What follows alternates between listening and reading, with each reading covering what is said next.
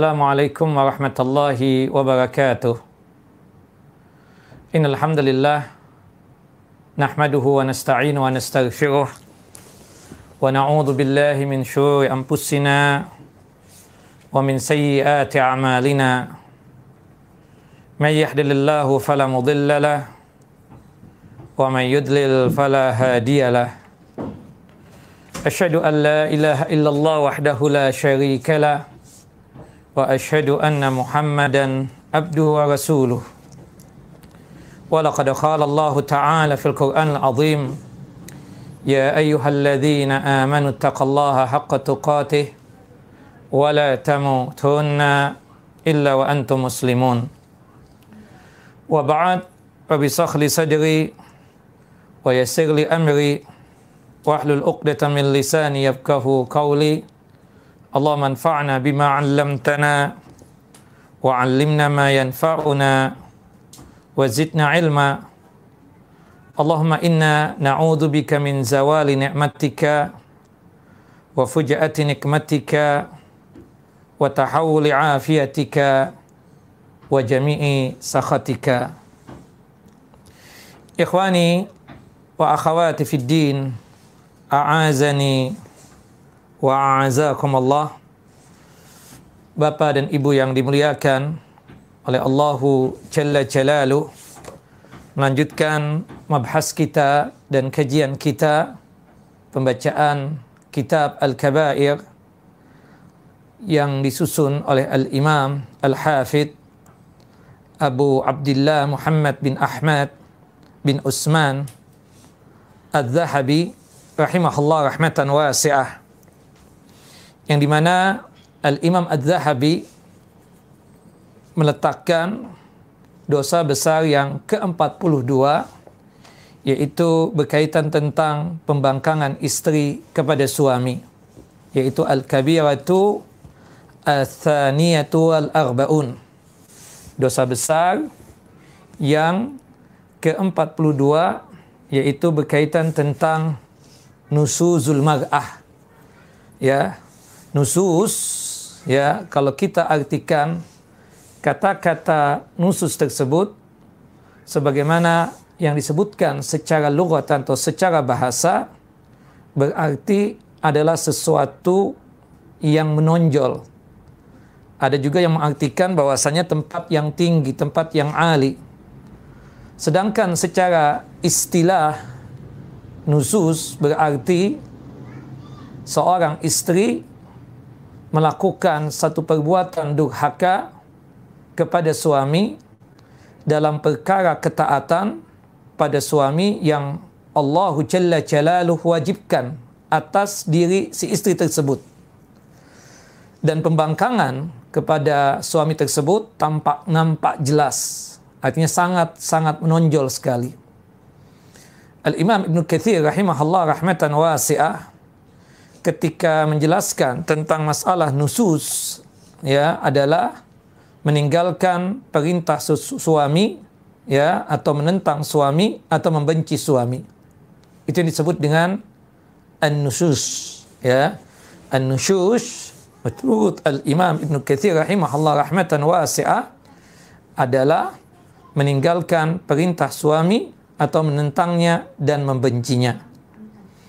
Di sini Al-Imam Az-Zahabi rahimahullah rahmatan wasi'ah membukanya dengan firman Allah Jalla Jalaluh yang termaktub di dalam surah An-Nisa surah yang keempat ayat 34 ayat 34 yang di mana Allah Jalla wa Ala berfirman wallati takhafuna nushuzahunna fa'idhuhunna wahjuruhunna fil madaji'i wadribuhun. Fa in fala tabghu alaihinna sabila. Kata Allah Jalla Jalaluh wanita-wanita yang kalian atau kamu khawatir nususnya mereka pembangkangan mereka ya artinya mereka tidak mau taat kepada engkau wahai para suami maka wanita-wanita yang seperti itu tolong diberikan nasihat untuk mereka. Kalau sekiranya nasihat tidak mempan, maka pisahkanlah mereka dari tempat tidur mereka.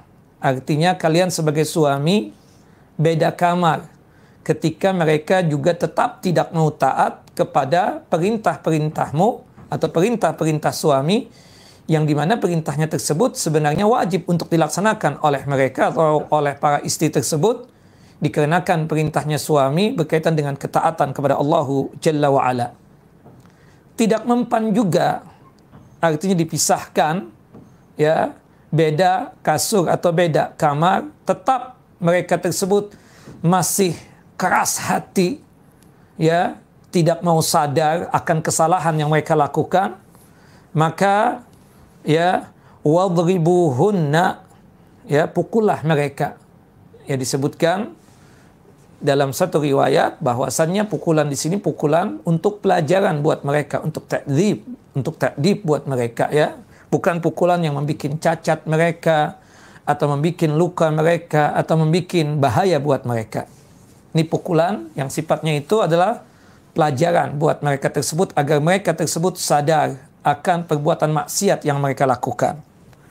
Fa in ata'nakum jika sekiranya si istri tersebut ya sudah mau taat kepada engkau wahai suami fala tabghu alaihin nasabila maka janganlah kalian tersebut mencari-cari jalan untuk menyusahkan mereka. Artinya masih mencari kesalahan dalam rangka untuk menyusahkan mereka. Nah nah di sini kita katakan memang pembicaraannya khusus berkaitan tentang masalah ya hak suami yang wajib untuk dilaksanakan oleh istri ya. Tentu tidak lepas di dalam Islam tersebut kita katakan kewajiban ya ada datangnya dari pihak suami, ada juga datangnya dari istri. Nah, tentu kenapa di sini kok yang menjadi pembahasan khusus kok berkaitan tentang masalah kewajiban seorang istri kepada suaminya. Artinya dia wajib untuk menjalankan hak si suami tersebut. Salah satu bagian daripada hak suami tersebut tidak lain adalah taat kepada suami ketika sang suami tersebut memerintahkan kebaikan, memerintahkan ketaatan kepada Allahu Jalla Jalaluh. Nah, nah di dalam Islam banyak banyak sekali kita katakan tentang penjelasan tentang masalah hak-hak yang wajib dijalankan oleh pihak istri tersebut. Ya. Yang di mana tentu kita katakan di sini berkaitan dengan pembahasan ini sungguh sangatlah pembahasan yang tersendiri sebenarnya. Tetapi kita katakan secara umum ya berkaitan tentang pembahasan ini ya disebutkan salah satunya adalah ketika sang suami tersebut memerintahkan kebaikan atau ketaatan maka hendaknya sang sua, sang istri tersebut wajib untuk menjalankan perintah daripada suami tersebut. Jangan sampai mereka tersebut ya durhaka atau membangkang dari apa yang telah diperintahkan oleh si suami tersebut. Selama tentunya kita katakan perintahnya tersebut tidak bertentangan dengan ajaran ya apa ajaran Islam atau tidak bertentangan dengan perintah Allah dan juga perintah Rasulullah SAW. Ketika sesuami tersebut memerintahkan maksiat atau durhaka kepada Allahu Jalla Jalaluh, maka kita katakan tidak ada kewajiban ya atas kita semua termasuk untuk istri ketika sang suami tersebut memerintahkan maksiat atau perbuatan durhaka kepada Allah Jalla Jalaluh. Naam. Nah itu yang disebutkan ya salah satunya. Nah kalau kita berbicara tentang asbabun nuzul dari ayat tadi disebutkan ya berkaitan tentang asbabun nuzul diceritakan oleh Al Imam Ibnu Abi Hatim beliau meriwayatkan dari Al-Imam Al-Hasan Al-Basri ya disebutkan ada seorang wanita mendatangi Nabi kita Muhammad sallallahu alaihi wasallam. Disebutkan dalam ungkapan yang lain ini ayat turunnya ya berkaitan tentang sahabat yang mulia yaitu Sa'ad bin Rabi. Sa'ad bin Rabi ini adalah salah seorang tokoh ya tokoh masyarakat dari kalangan Ansar ya tokoh masyarakat Madinah Al Munawwarah Nah beliau punya istri namanya Habibah bintu Zaid bin Abi Zuhair. Ya, dua-duanya dari kalangan suku Ansar, baik Sa'ad bin Rabi ataupun Habibah bintu Zaid, dua-duanya dari kalangan Ansar. Nah, terjadi permasalahan. Habibah bintu Zaid sebagai seorang istri membangkang perintahnya Sa'ad bin Rabi. Ya, sehingga membuat Sa'ad bin Rabi marah kemudian ya memukul ya pipinya Habibah bintu Zaid ini akhirnya ya Habibah ini tidak terima dia lapor kepada ayahnya yang bernama Zaid bin Abi Zuhair kemudian Zaid bin Abi Zuhair bersama putrinya yang bernama Habibah tadi datang kepada Nabi SAW berkeluh kesah tentang keadaan Sa'ad bin Rabi yang memukul pipi putrinya ya yang bernama Habibah. Kemudian Nabi SAW sempat mengatakan perkataan bahwasannya Sa'ad bin Rabi tersebut seharusnya terkena kisos ya. Rasulullah SAW mengatakan ya berikan dia kisos. Artinya balasan. Kenapa sampai memukul istrinya tersebut?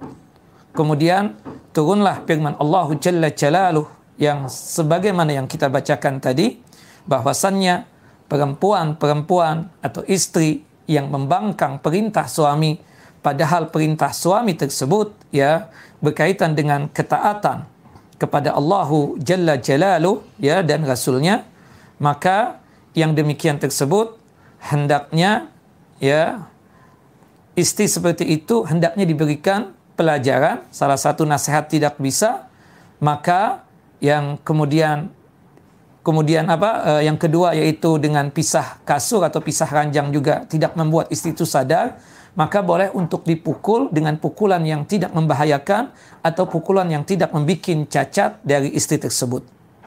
Al-Imam ya akhirnya istrinya saat tadi kembali pulang ke rumah Sa'ad bin Rabi kemudian ya tanpa melakukan kisos kepada suaminya tersebut. Al-Imam Ibnu Magdaweh juga meriwayatkan bahwasannya Ali bin Abi Talib pernah mengatakan tentang asbabun nuzul daripada ayat ini. Diceritakan seorang laki-laki dari Ansar yaitu Sa'ad bin Rabi.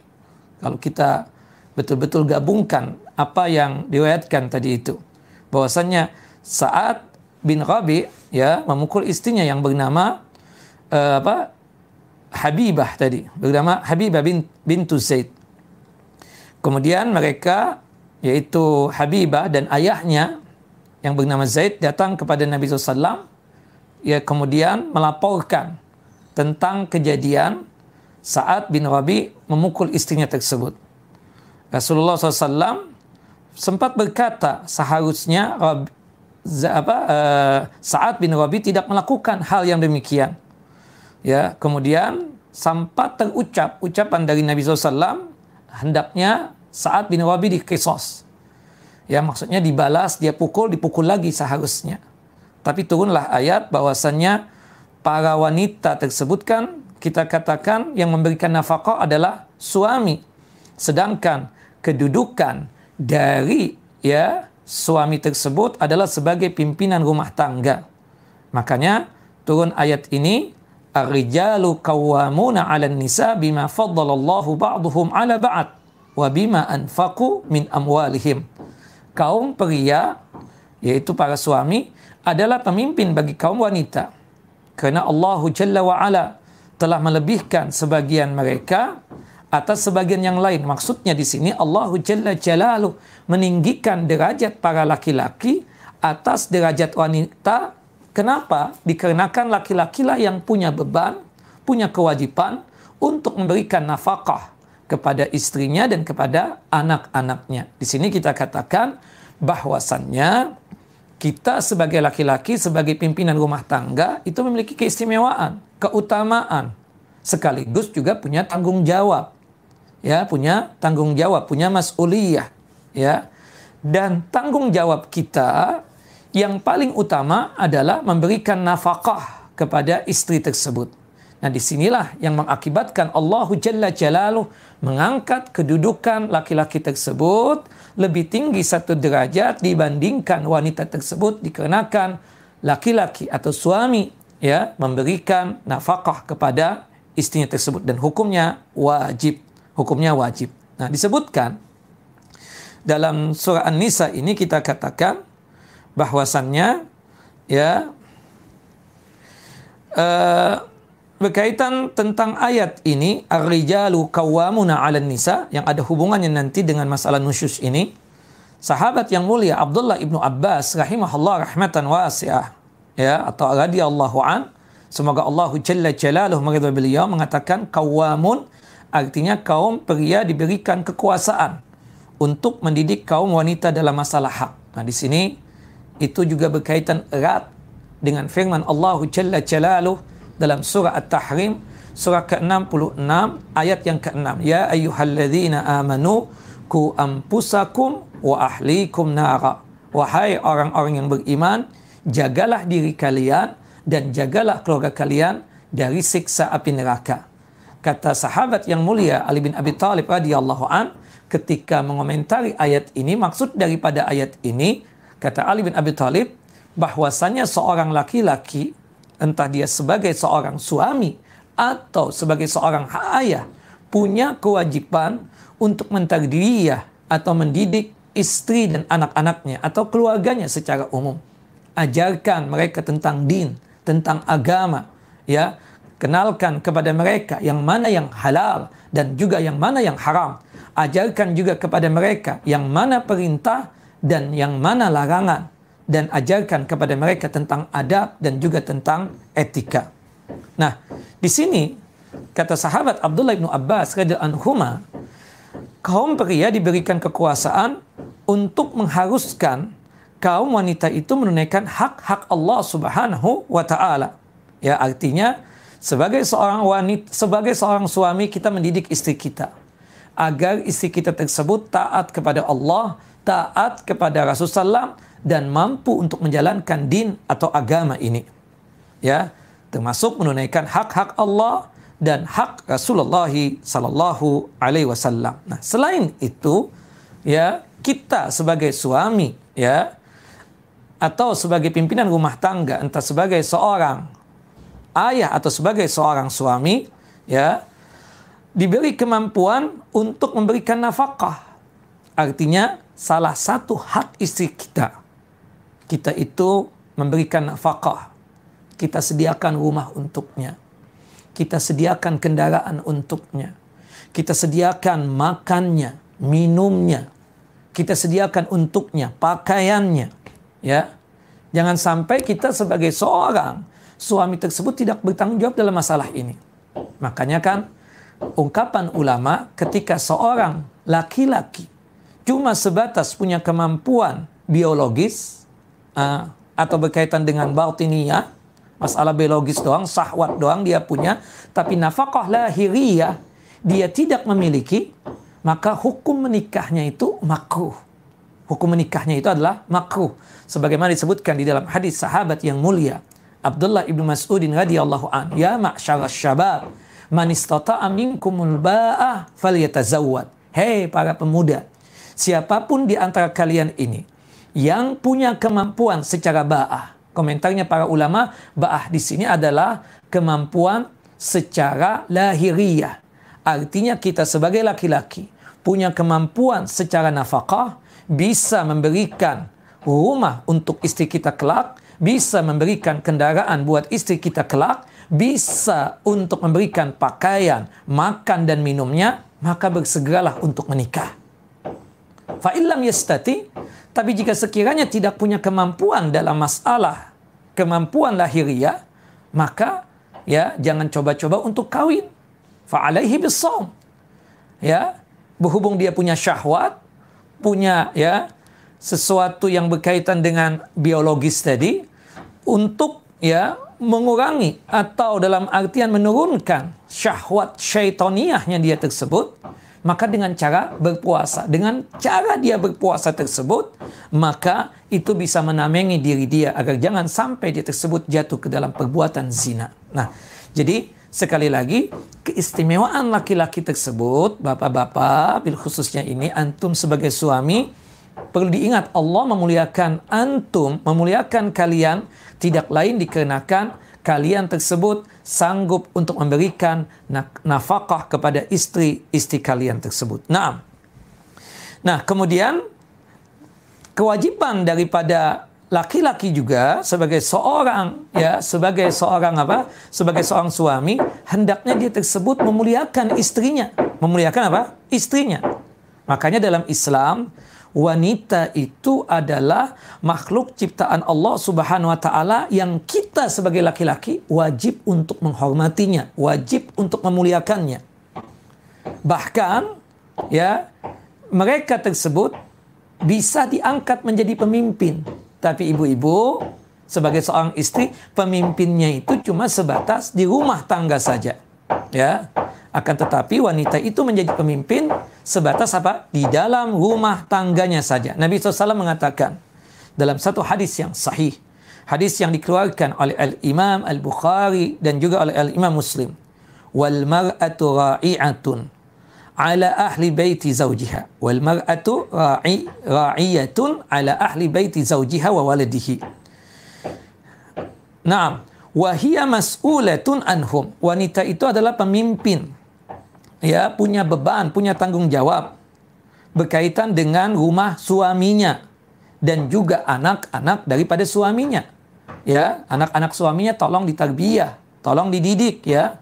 Termasuk juga kita katakan kalau sekiranya sang suami tersebut ya ketika kawin dengan anti atau dengan anda wahai perempuan dalam kondisi duda bawa anak maka anaknya tersebut bisa dititipkan kepada kalian ya wahai istri ya untuk dididik oleh anti atau oleh istri tersebut.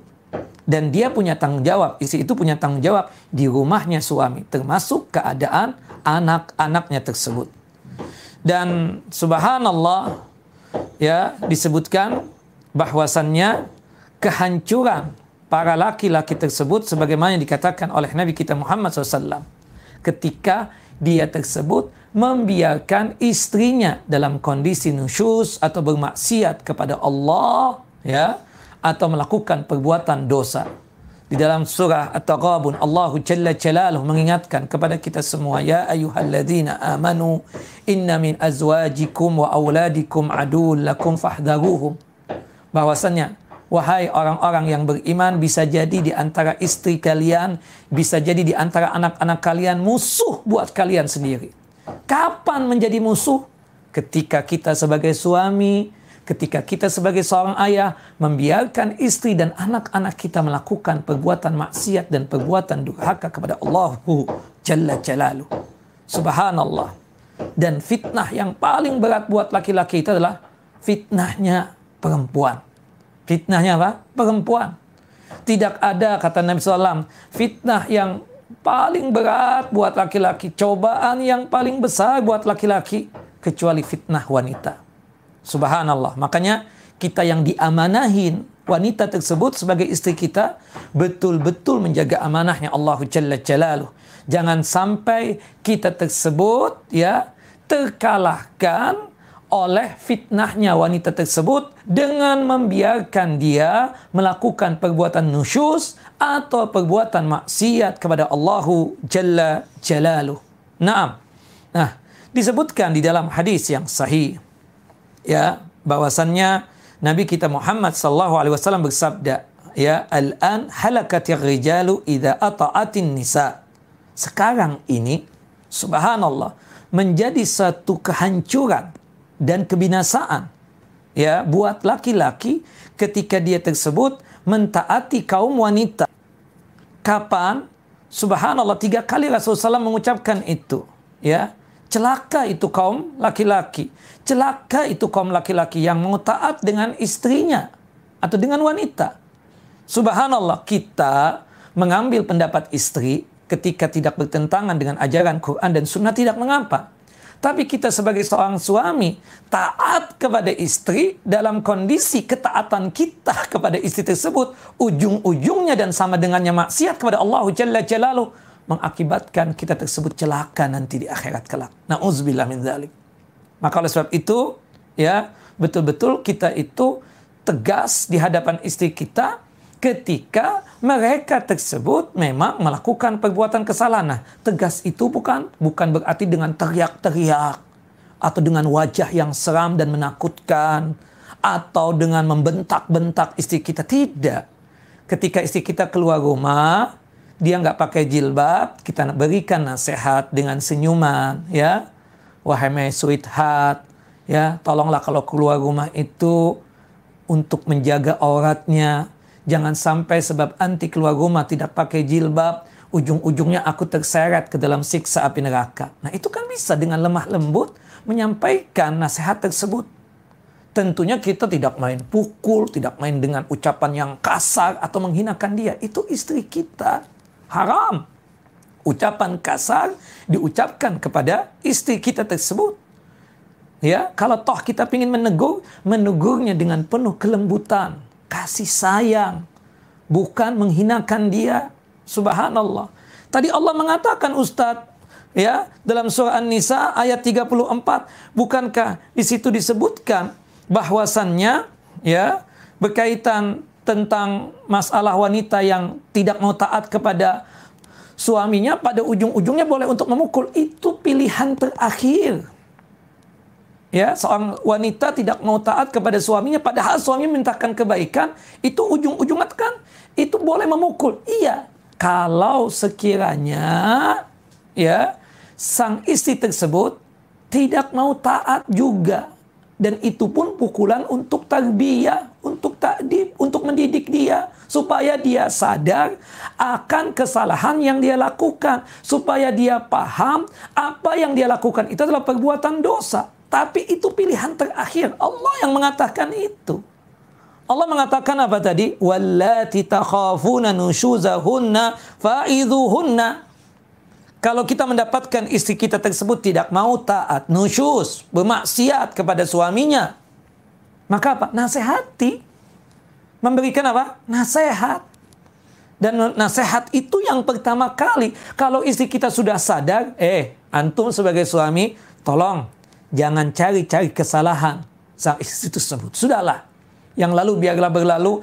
Memang istri kita tersebut pernah melakukan khilaf. Memang istri kita pernah melakukan perbuatan salah. Tapi dia sudah minta maaf. Ya, maka sudahlah kita katakan. Kita maafkan seperti itu. Nah, jangan sampai kita mencari-cari kesalahannya. Tapi diingatkan oleh Nabi SAW. Kita sebagai suami jangan lemah. Dalam artian harus bersikap tegas kalau sekiranya ya istri kita memang melakukan perbuatan dosa dan maksiat, kita meluruskan dia tersebut agar selalu berada di jalan yang benar, tidak lain untuk menjaga diri kita juga. Tapi ingat sekali lagi Bapak-bapak, memberikan peringatan kepada istri, memberikan nasihat kepada istri dengan kosakata-kosakata yang indah. Bukan kosakata-kosakata yang sifatnya tersebut menghinakan dia. Itu kebanyakan terjadi rumah tangga itu tidak bisa dipertahankan karena salah seorang dari pasangan tersebut tersinggung dikarenakan ucapan dari salah seorang pasangannya tersebut. Hati-hati. Ya, kita jaga. Kita jaga ya istri kita. Kita tahu wanita itu kan diciptakan dari tulang rusuk yang bengkok. Kalau kita memaksakan bisa patah. Subhanallah. Tapi kalau kita terlalu ya, subhanallah kita akan ikut dengan dia. Meskipun ikutnya dalam kesalahan. Makanya untuk meluruskan tulang rusuk yang bengkok tersebut supaya jangan patah. Pelan-pelan ya seperti itu. Ibarat memijit satu tulang yang sangat rapuh ya itu kan pelan banget memegangnya supaya bisa lurus lagi. Nah begitulah perasaannya seorang wanita. Kita tersebut hendaknya kalau toh mendapatkan istri kita dalam kondisi yang salah, Tolong nasihati dia tersebut dengan cara yang lemah lembut. Tunjukkan ke, ke, ke, ke, ke apa? Tunjukkan rasa kasih sayangnya antum kepada dia. Tunjukkan rasa cintanya antum kepada dia ketika memberikan nasihat tersebut.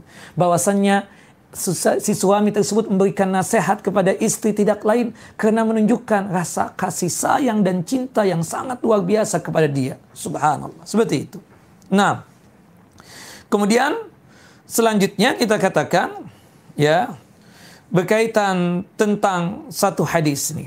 Ini untuk ibu-ibu nih sangat luar biasa berkaitan tentang wanita yang masya Allah.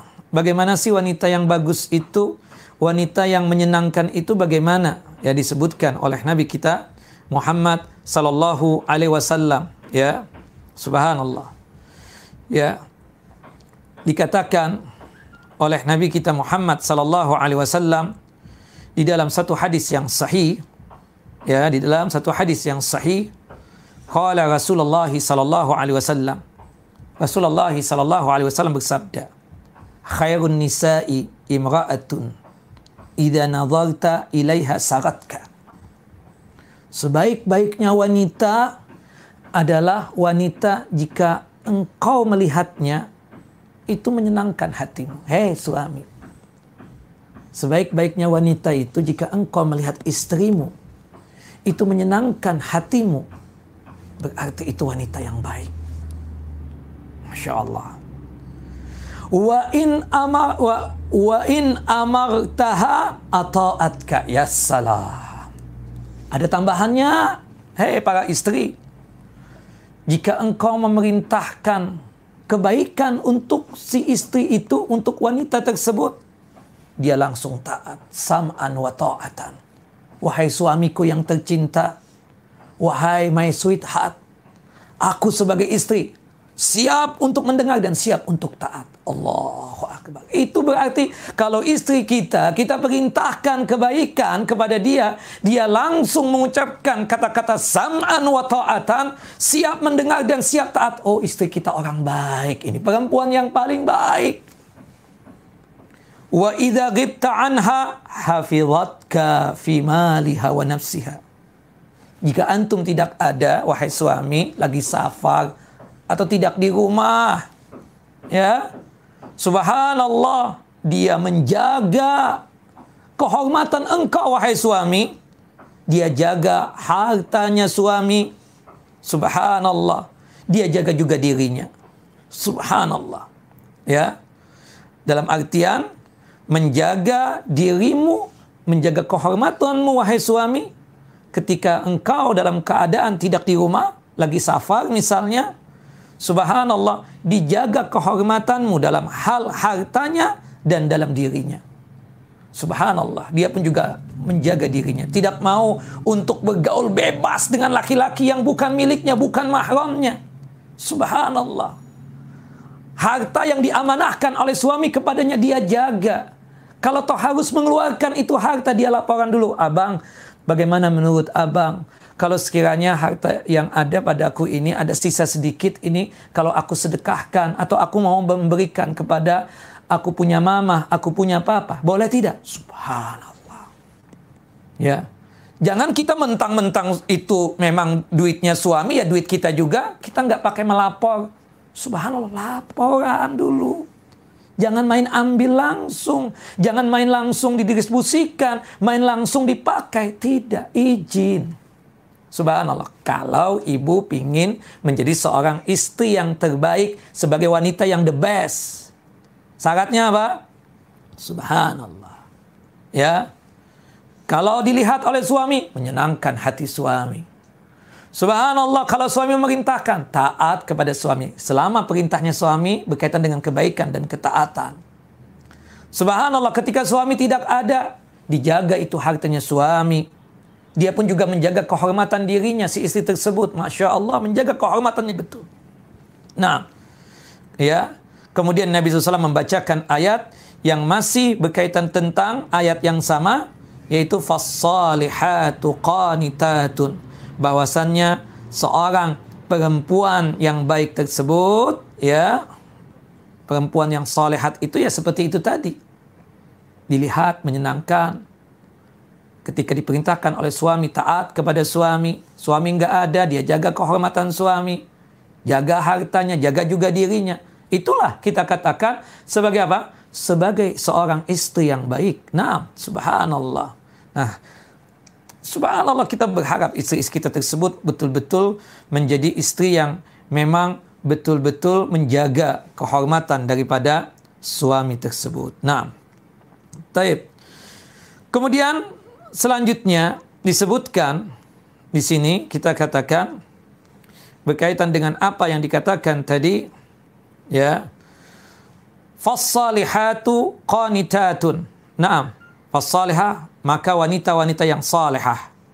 Ada dua pendapat tentang uh, tafsiran dari kata-kata salihat tersebut. Subhanallah. Sahabat yang mulia Abdullah ibnu Abbas mengatakan wanita yang baik itu, wanita yang salehah itu adalah wanita yang baik kepada suaminya. Subhanallah. Sedangkan pendapat yang kedua dari Abdullah bin Abbas juga bisa ditambahkan selain dia baik kepada suaminya, wanita itu suka beramal soleh, suka melakukan kebaikan dan kebajikan. Sedangkan qanitatun, qanitatun itu adalah ya berkaitan dengan perempuan yang taat. Sahabat yang mulia Abdullah ibnu Abbas radhiyallahu anhu mengatakan bahwasannya yang disebut dengan qanitatun adalah wanita yang taat kepada Allah Subhanahu wa taala dan juga taat kepada suaminya mereka. Kemudian Rasulullah menyampaikan satu hadis, ya Abdullah bin Abbas menyampaikan satu hadis, hadis Nabi sallallahu alaihi wasallam yang berkaitan tentang masalah itu, hadis yang dikeluarkan dari jalurnya sahabat yang mulia Abdullah ibnu Abbas dan juga Abu Umamah dan juga Abu Hurairah radhiyallahu an, ya hadis yang dikeluarkan oleh Al-Imam Hakim, hadis yang disahihkan oleh Syekh Nasir Albani, yaitu bahwasannya wanita yang saleh, wanita yang qanitah, itu adalah wanita yang kalau dilihat oleh suaminya menyenangkan hati, kemudian kalau sekiranya diperintahkan oleh suami, dia langsung untuk melaksanakan perintahnya suami tersebut selama perintahnya ya dalam kebaikan dan ketaatan. Kemudian kalau suami tidak ada di rumah, dia jaga kehormatan suami termasuk menjaga dirinya dan menjaga hartanya si suami tersebut. Naam. Taib. Kemudian subhanallah ya kita katakan hafizatun lil ghaib selain salihat qanitat juga hafizat bahwasannya ya wanita yang baik itu selalu menjaga diri ketika suaminya tidak ada. Al-Imam Atha bin Rabah dan juga Qatada dan juga Al-Imam Suddi mengatakan maksud daripada menjaga dirinya ketika suaminya tidak ada adalah wanita yang menjaga dirinya dan harta suami tak tatkala suami tidak ada di rumahnya. Bima hafizallah. Karena Allah telah menjaga mereka. Dikarenakan mereka menjaga kehormatan diri mereka ketika suami tidak ada di rumah, termasuk menjaga hartanya suami, maka Allah Jalla Jalaluh menjaga mereka. Nah, nah ada beberapa pendapat dari ulama, dari sahabat yang mulia Abdullah ibnu Abbas dan murid beliau, ya, bahwasanya disebutkan, ya, mereka terjaga dalam penjagaan Allah untuk mereka, ya, dengan mas kawin dan kewajiban nafkah kepada mereka. Ini pendapat dari Al Imam Al Jazzat. Kemudian ada juga yang berpendapat ketika suami tidak ada di rumah, mereka para wanita menjaga sesuatu yang dengannya suami menjaga perintah Allah Jalla Jalaluh. Ini pun juga pendapat dari Al-Imam Al-Jazzar yang dan yang lainnya. Nah, kemudian baru berkaitan dengan apa yang kita bahas sekarang ini berkaitan dengan dosa besar yang ke-42 ini berkaitan nusyush. Duhakanya seorang istri kepada suaminya. Ya, wallati takhafuna nusyuzahunna wanita-wanita yang kalian khawatir nususnya. Subhanallah. Di sini dikatakan oleh sahabat yang mulia Abdullah ibnu Abbas radhiyallahu anhuma dan ulama ulama yang lainnya yang disebut dengan nusus tersebut tidak lain adalah bermaksiat atau kemaksiatan suami istri. Ya maksiatnya istri itu artinya apa? Nusus. Artinya ibu-ibu. Mungkin suami ibu baik sholat, puasa, zakat, haji, korban, dan lain sebagainya. Subhanallah. Ya. ternyata ibu sebagai seorang istri melakukan perbuatan maksiat. Berarti ibu dengan melakukan perbuatan maksiat selain tidak menghargai Allah Jalla Jalaluh, dosa kepada Allah, yang kedua juga berdosa kepada suami. Meskipun mungkin suami ibu tidak tahu, ibu melakukan maksiat, di situ pun juga ibu dikatakan sebagai orang yang nusyus. Ya melakukan maksiat. Makanya para ulama mengatakan yang disebut dengan nusyus tersebut adalah kemaksiatan para istri. Ini yang dikatakan oleh sahabat yang mulia Abdullah bin Abbas. Atau juga bisa dikatakan sebagai maksiat ya kepada suaminya. Ini berkaitan tentang apa yang terjadi di kamar. Apa yang terjadi di kamar. Artinya dia tersebut menolak kemauan daripada suaminya tersebut. Nah, kita bacakan.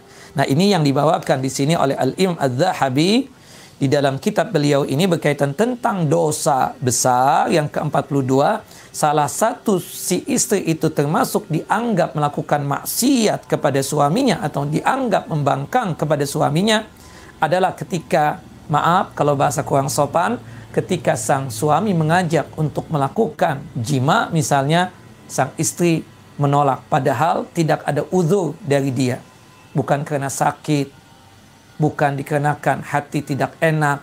Hati enak, Masya Allah. Bukan dikarenakan ada satu musibah yang mengakibatkan dia tidak bisa untuk ya me, apa, me, me, me, memenuhi permintaan daripada si suami tersebut.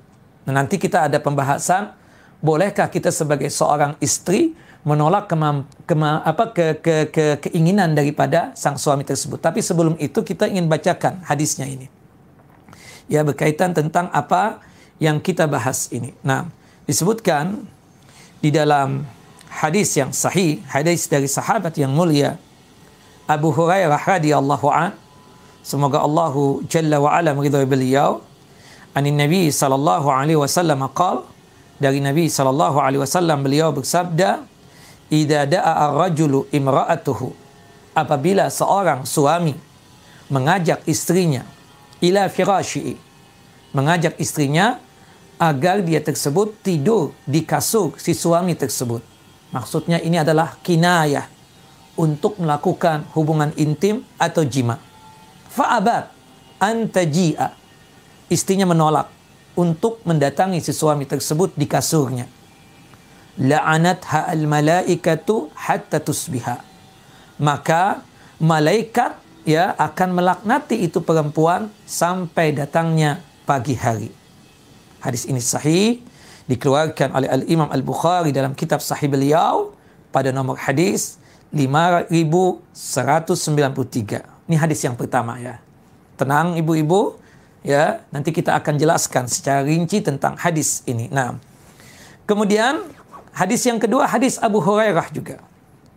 Qala berkata Abu Hurairah semoga Allah Jalla wa ala meridhai beliau Qala Nabi sallallahu alaihi wasallam Nabi kita Muhammad SAW bersabda idza batatil mar'atu muhajiratan firasa zawjiha la'anatha al malaikatu hatta tarji'a apabila sang istri menolak ajakannya suami ya untuk datang ke kasurnya maka malaikat akan melaknati itu perempuan sampai dia tersebut datang kepada kasurnya atau datang kepada kasurnya si suami maksudnya sampai sang istri tersebut mau memenuhi keinginan dari si suami tersebut. Nah, taib. Nah, banyak lagi hadis-hadis yang hampir mirip dengan itu. Tapi di sini ada satu hadis lain lagi, yaitu berkaitan dengan hadis yang umum kita katakan. Di situ termaktub kita katakan di halaman 121. Halaman 121 ya disebutkan dari hadis Abu Hurairah juga qala Rasulullah SAW Rasulullah SAW bersabda walladhi nafsi biyadihi demi jiwaku yang berada selalu di tangan Allah Jalla Jalalu.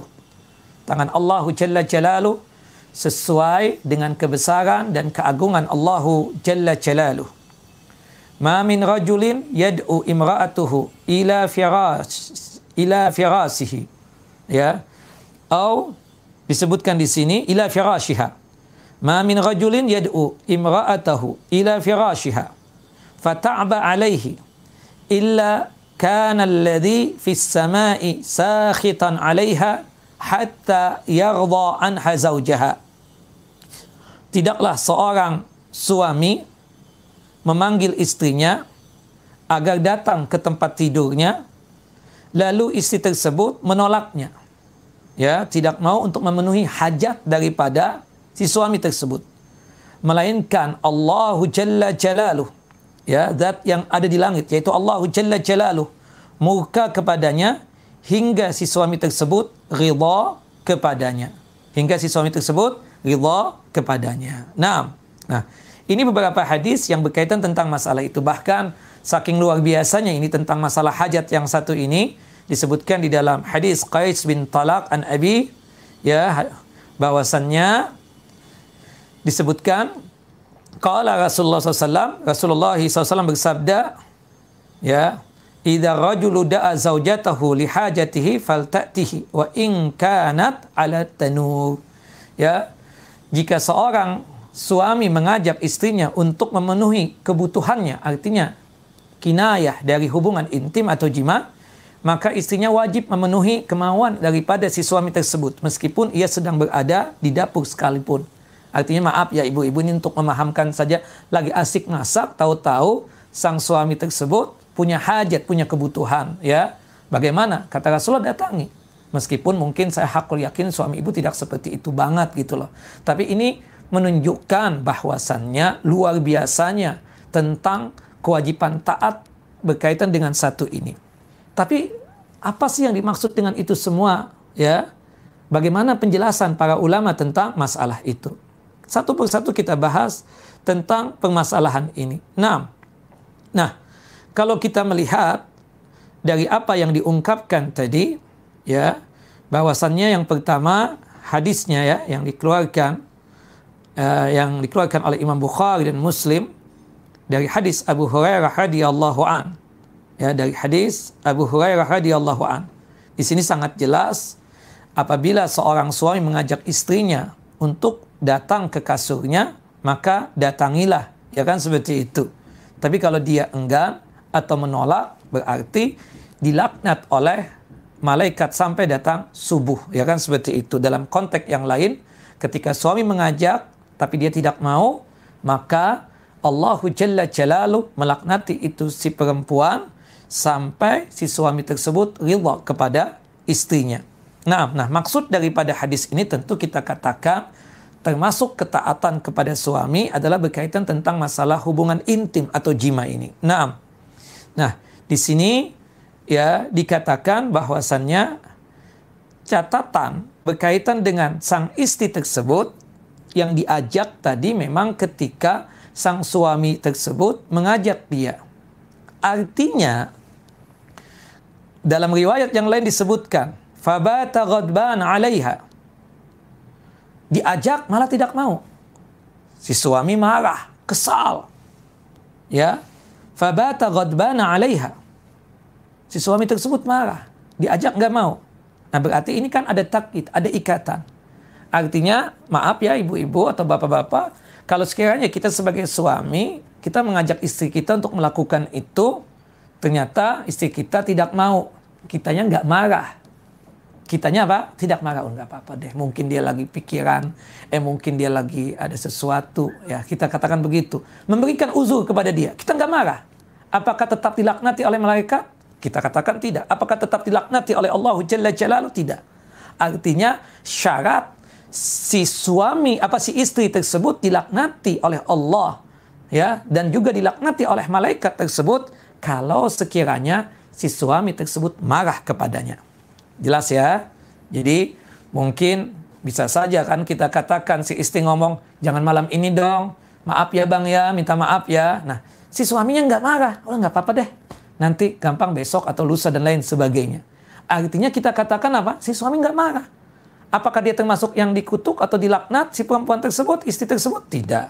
Karena suaminya ridho dengan istrinya si suaminya memberikan uzur kepada suaminya. Jadi si perempuan tadi mendapatkan kutukan dan laknat dari Allah dan Rasul dari Allah dan malaikat tersebut kalau suaminya marah seperti itu. Nah, kemudian selanjutnya lagi la'anat hal malaika hatta tusbiha idza da'aha ya falam ta'ti fabata Subhanallah. Kemudian malaikat melaknati itu perempuan sampai subuh. Kalau diajak tidak mau. Kemudian si suami marah, maka malaikat melaknatinya sampai subuh. Nah, ini ikatan yang kedua.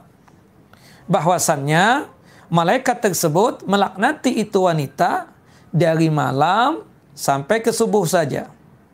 Laknat tahu ya, laknat itu artinya at-tardu wal ib'ad min rahmatillah.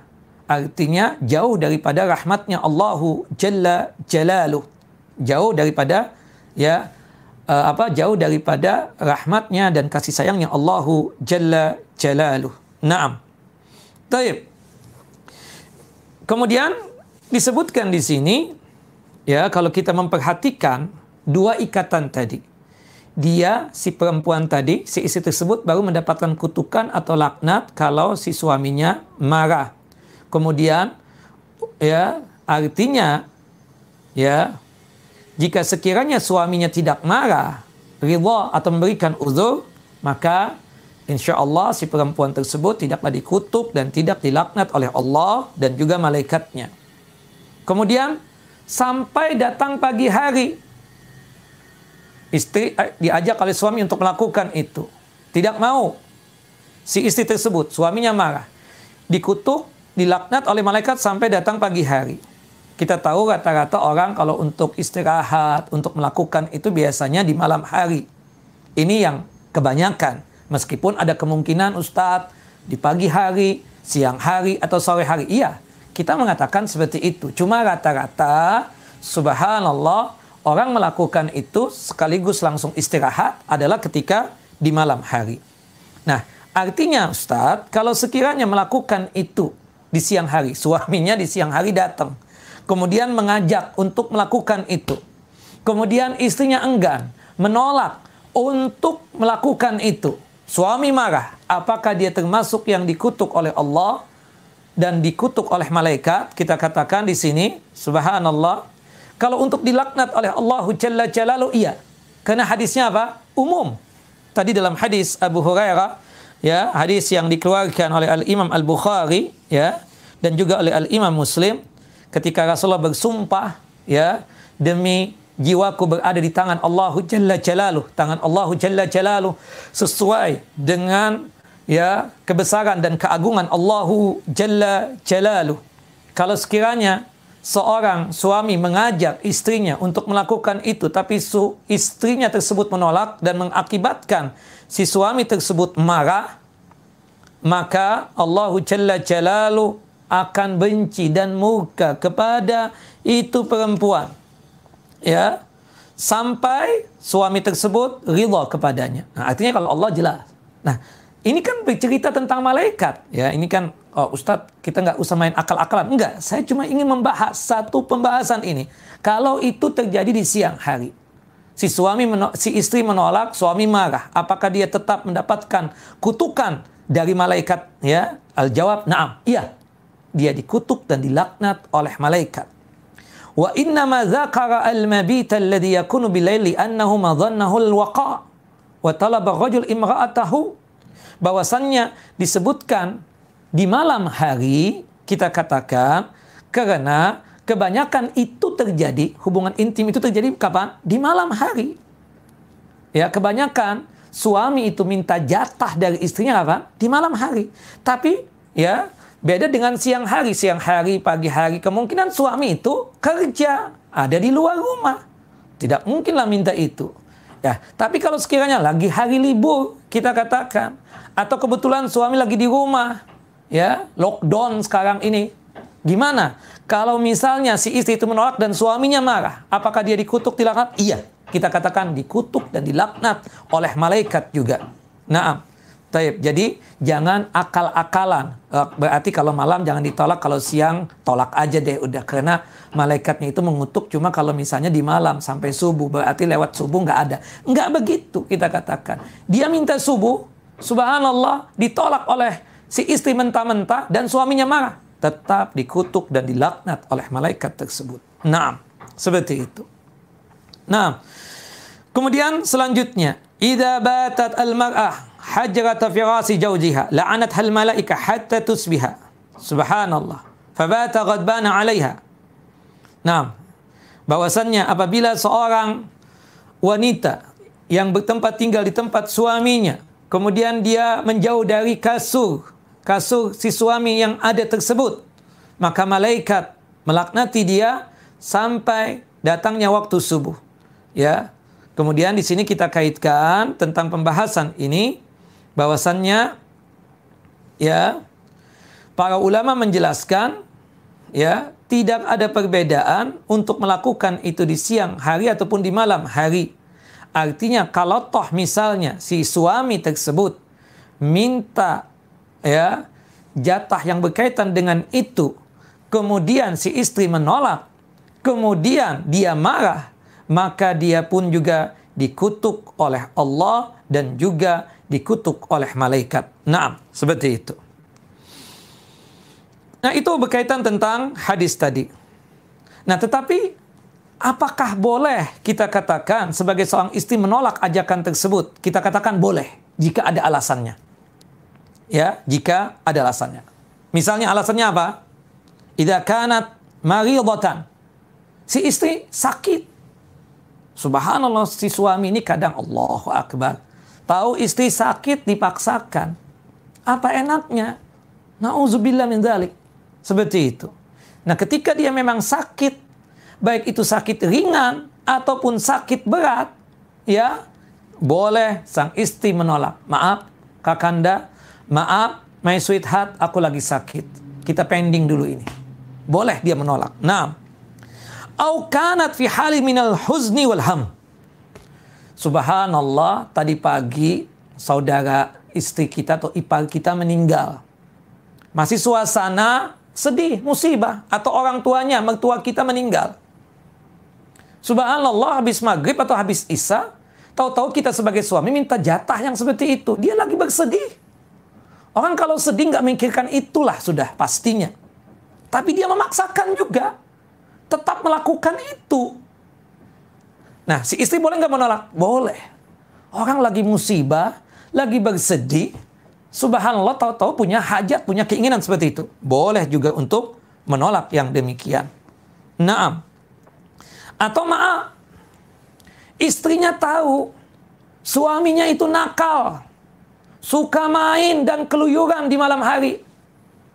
Si istri takut suaminya ada penyakit, penyakit aid atau penyakit kelamin lain-lainnya. Dia wajar menolak, enggak deh. Ya, dia tahu tentang kondisi suaminya seperti itu. Lu check up dulu, bersih dulu, ya aman dari itu penyakit, baru dia mau. Boleh. Kalau memang kita wal billah ya, kalau itu terjadi di rumah tangga kita. Ada suami yang maksiat zina. Nauzubillah. Suka keluyuran di malam hari. Ya, untuk mencari apa? Kupu-kupu malam itu. Nauzubillah min zalik. Nah, si istri tahu kelakuan si suami begitu. Wajar dia menolak. Tidak mengapa yang demikian. Ya, Jangan sampai dia terkena penyakit yang dibawa oleh suami tersebut. Nah, seperti itu. Termasuk kita katakan kejadian sekarang ini. Penyakit corona. COVID-19. Kita tahu suami kita ada penyakit itu. Kalau melakukan hubungan intim, khawatirnya itu penyakit ikut menyebar juga kepada dia. Nah, boleh dia menolak hal seperti itu. Nah, boleh dia menolak seperti itu. Wallahu a'lam. Nah, jelas kita katakan kalau ada alasan yang syar'inya ya seperti sakit ya atau kita katakan seperti misalnya dari, lagi ada musibah, sedih yang sangat luar biasa dan lain sebagainya, boleh. Atau si istri itu lagi gumum. Lagi gumum itu apa ya? Kita katakan kalau uh, apa? Kalau kita katakan lagi lagi nggak enak hati, pikiran betul, lagi ada problem yang luar biasa gitu loh. Harusnya sang suami ngerti istri lagi ada masalah. Kalau dimintaan itu juga ya artinya subhanallah istri juga nggak nafsu. Karena kepikiran macam-macam. Maka pada keadaan seperti itu, sang istri boleh untuk menolak untuk permintaan suami tersebut. Wallahu alam. Jadi kita katakan tidak ada dosa untuk menolak kemauan dari suami jika memang ada alasannya. Alasan yang kita sebutkan tadi. Nah, saya mengingatkan kepada para suami ini juga. Suami juga harusnya lihat keadaan istri. Jangan sampai dia tersebut main minta-minta saja tanpa melihat keadaan. Nah, ini ada beberapa hal yang saya ingatkan kepada suami. Kalau Anda mendatangi istri Anda tersebut, usahakan dalam keadaan yang bagus. Maksud saya keadaan bagus tersebut, penampilan bagus, keren, jangan acak-acakan, ya badan wangi, tidak bau. Makanya kan disunahkan berdasarkan hadis dari sahabat yang mulia Abu Rafi, kalau kita ingin mendatangi istri kita atau seorang istri juga ingin melakukan itu, dua-duanya disunahkan untuk mandi terlebih dahulu. Supaya apa? Supaya ada kesemangatan untuk melakukan yang demikian. Jangan subhanallah istri apa suami baru datang masih bau ya badan, bau ketek dan lain sebagainya minta jatah. Wal Ini kelemahan daripada suami seperti itu. Tidak tahu diri kadang. Seperti itu. Nah, kesian istrinya seperti itu dengan atas dasar hadis misalnya nggak menolak berarti dikutuk oleh malaikat menolak berarti dibenci oleh Allah nah tidak seperti itu kita sebagai suami harus mengerti tentang keinginan daripada istri kita juga kemudian juga selanjutnya jangan sampai melakukan hubungan intim itu pada saat si suami ters, apa si istri tersebut sakit ya dan ingat juga termasuk juga berkaitan berkaitan dengan hal-hal yang mungkin membuat dia sakit. Kadang sebagai seorang suami memaksakan diri. Si istri sehat, tapi ketika dia melakukan sesuatu hal memaksakan misalnya membuat ada bagian dari bagian intimnya tersebut yang sakit, maka jangan sampai diteruskan. Artinya mencari hal yang mengakibatkan membuat istri tersebut enak juga seperti itu. Nah, kemudian ya ketika melakukan hal berkaitan dengan masalah itu kita katakan ya hendaknya betul-betul ke, istri pun punya keinginan melakukan hajat itu. Jangan sampai cuma sebatas kitanya saja sebagai suami untuk melepaskan syahwat kita. Istri kita pun juga kalau kita apa dapatkan dalam kondisi yang sifatnya jauh dari apa yang sebagaimana kita, kita jangan coba-coba dulu deh Sampai sang istri juga punya keinginan seperti itu. Artinya masing-masing ada keinginan untuk melepaskan syahwatnya seperti itu. Nah, selanjutnya juga kita katakan ya jangan sampai melakukan itu ketika dalam kondisi istri kita lagi sibuk. Misalnya lagi ngurusin anak, lagi kerja di dapur dan lain sebagainya. Meskipun tadi ada hadis kita katakan, ya kalau toh dia lagi sibuk di dapur, kalau si suami berkeinginan mengajak dia, oke, okay, kita katakan. Itu kan maksudnya Rasulullah mengatakan itu bagaimana wajibnya taat sang istri kepada suami. Cuma kita sebagai suami tahu diri dong, istri lagi kerja di dapur, si istri lagi menyiapkan makan, lagi sibuk dengan anak-anak kita, lagi sibuk itu jangan. Ayo dong, paham-paham. Ya, enggak begitulah. Kita ini harus paham tentang kondisi-kondisi yang seperti itu. Wallahu a'lam. Nah, Nah ini kalau misalnya hal-hal seperti itu kita katakan perhatian kita kita ngerti juga keadaan istri kita maka insya Allah tidak adalah yang namanya penolakan-penolakan itu. Insya Allah Bismillah nah ini ini nasihat khusus ya untuk para suami agar jangan sampai kita tersebut cuma sebatas tahunya berkaitan tentang masalah ya hadis itu tadi ada. Pokoknya kalau suami mau harus oke okay setiap waktu dan setiap kapan pun si istri tersebut harus melayani dari si suami. Ustadz, ada pertanyaan dari ibu-ibu kadang, ya kan? Ustadz, gimana? Yang mau tuh istrinya. Suami yang menolak, dilaknat juga enggak? Memang sih kalau kita katakan dari sudut pandang hadis tidak ada ungkapan seperti itu karena datang syahwat itu rata-rata yang ngajak itu siapa? Suami.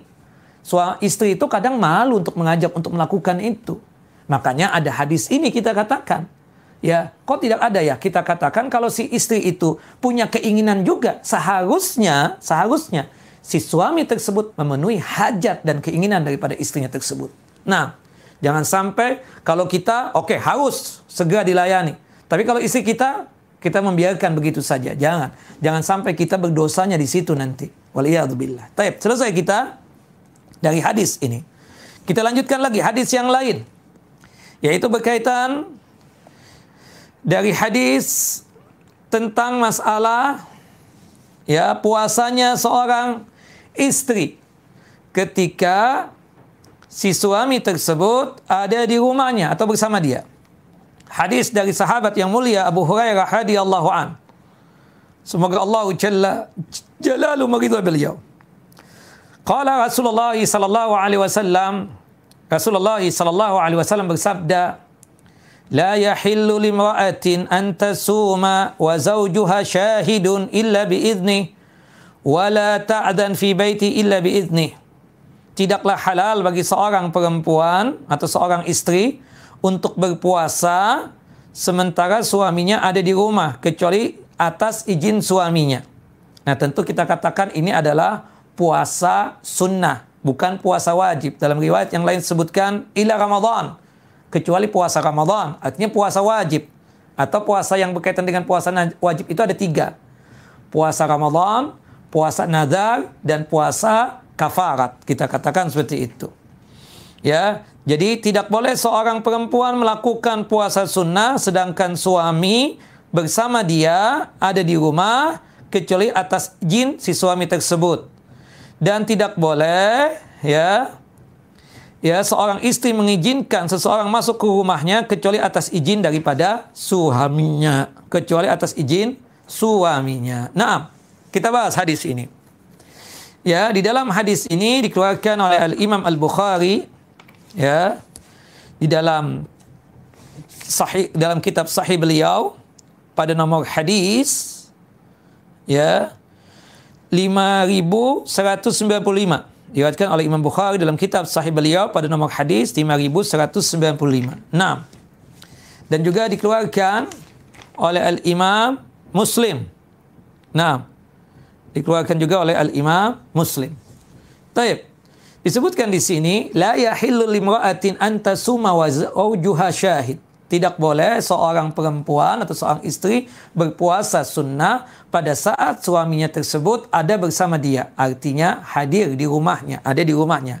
Wal maksud bidzalika siyamu tatawu. Maksud puasa di situ tadi sudah kita jelaskan, maksudnya adalah puasa sunnah bukan puasa wajib. Nah, sekarang ini kan sembilan hari yang pertama bulan Zulhijjah ini kan sunnah kita berpuasa tanggal 1 sampai tanggal 9 jika ibu-ibu sanggup jika bapak-bapak sanggup. Hadis dari Hunaidah bin Khalid dari istri beliau, dari beberapa istri dari Nabi SAW disebutkan di dalam hadis yang sahih bahwasanya istri yang menyebutkan Rasulullah itu terbiasa berpuasa tanggal 1 sampai tanggal 9 Zulhijjah itu adalah Ibunda Hafsah bintu Umar bin Khattab dan juga adalah Ibunda Hindun yang disebut dengan sebutan Ummu Salamah. Nah, Ibunda Ummu Salamah. Taib. Nah, Ibu-ibu ingin puasa nih, puasa sunnah, tanggal 1 sampai tanggal 9. Termasuk nanti puncaknya besok, puasa Arafah. Ya kan? Ha, suami ada di rumah, bagaimana Ustaz? Minta izin kepada suami. Kecuali kalau ketahuan, suaminya juga berpuasa besok. Ya, atau 9 hari yang pertama ini sudah berpuasa. Artinya suami mengatakan besok saya puasa itu menunjukkan bahwasanya kamu pun juga boleh berpuasa.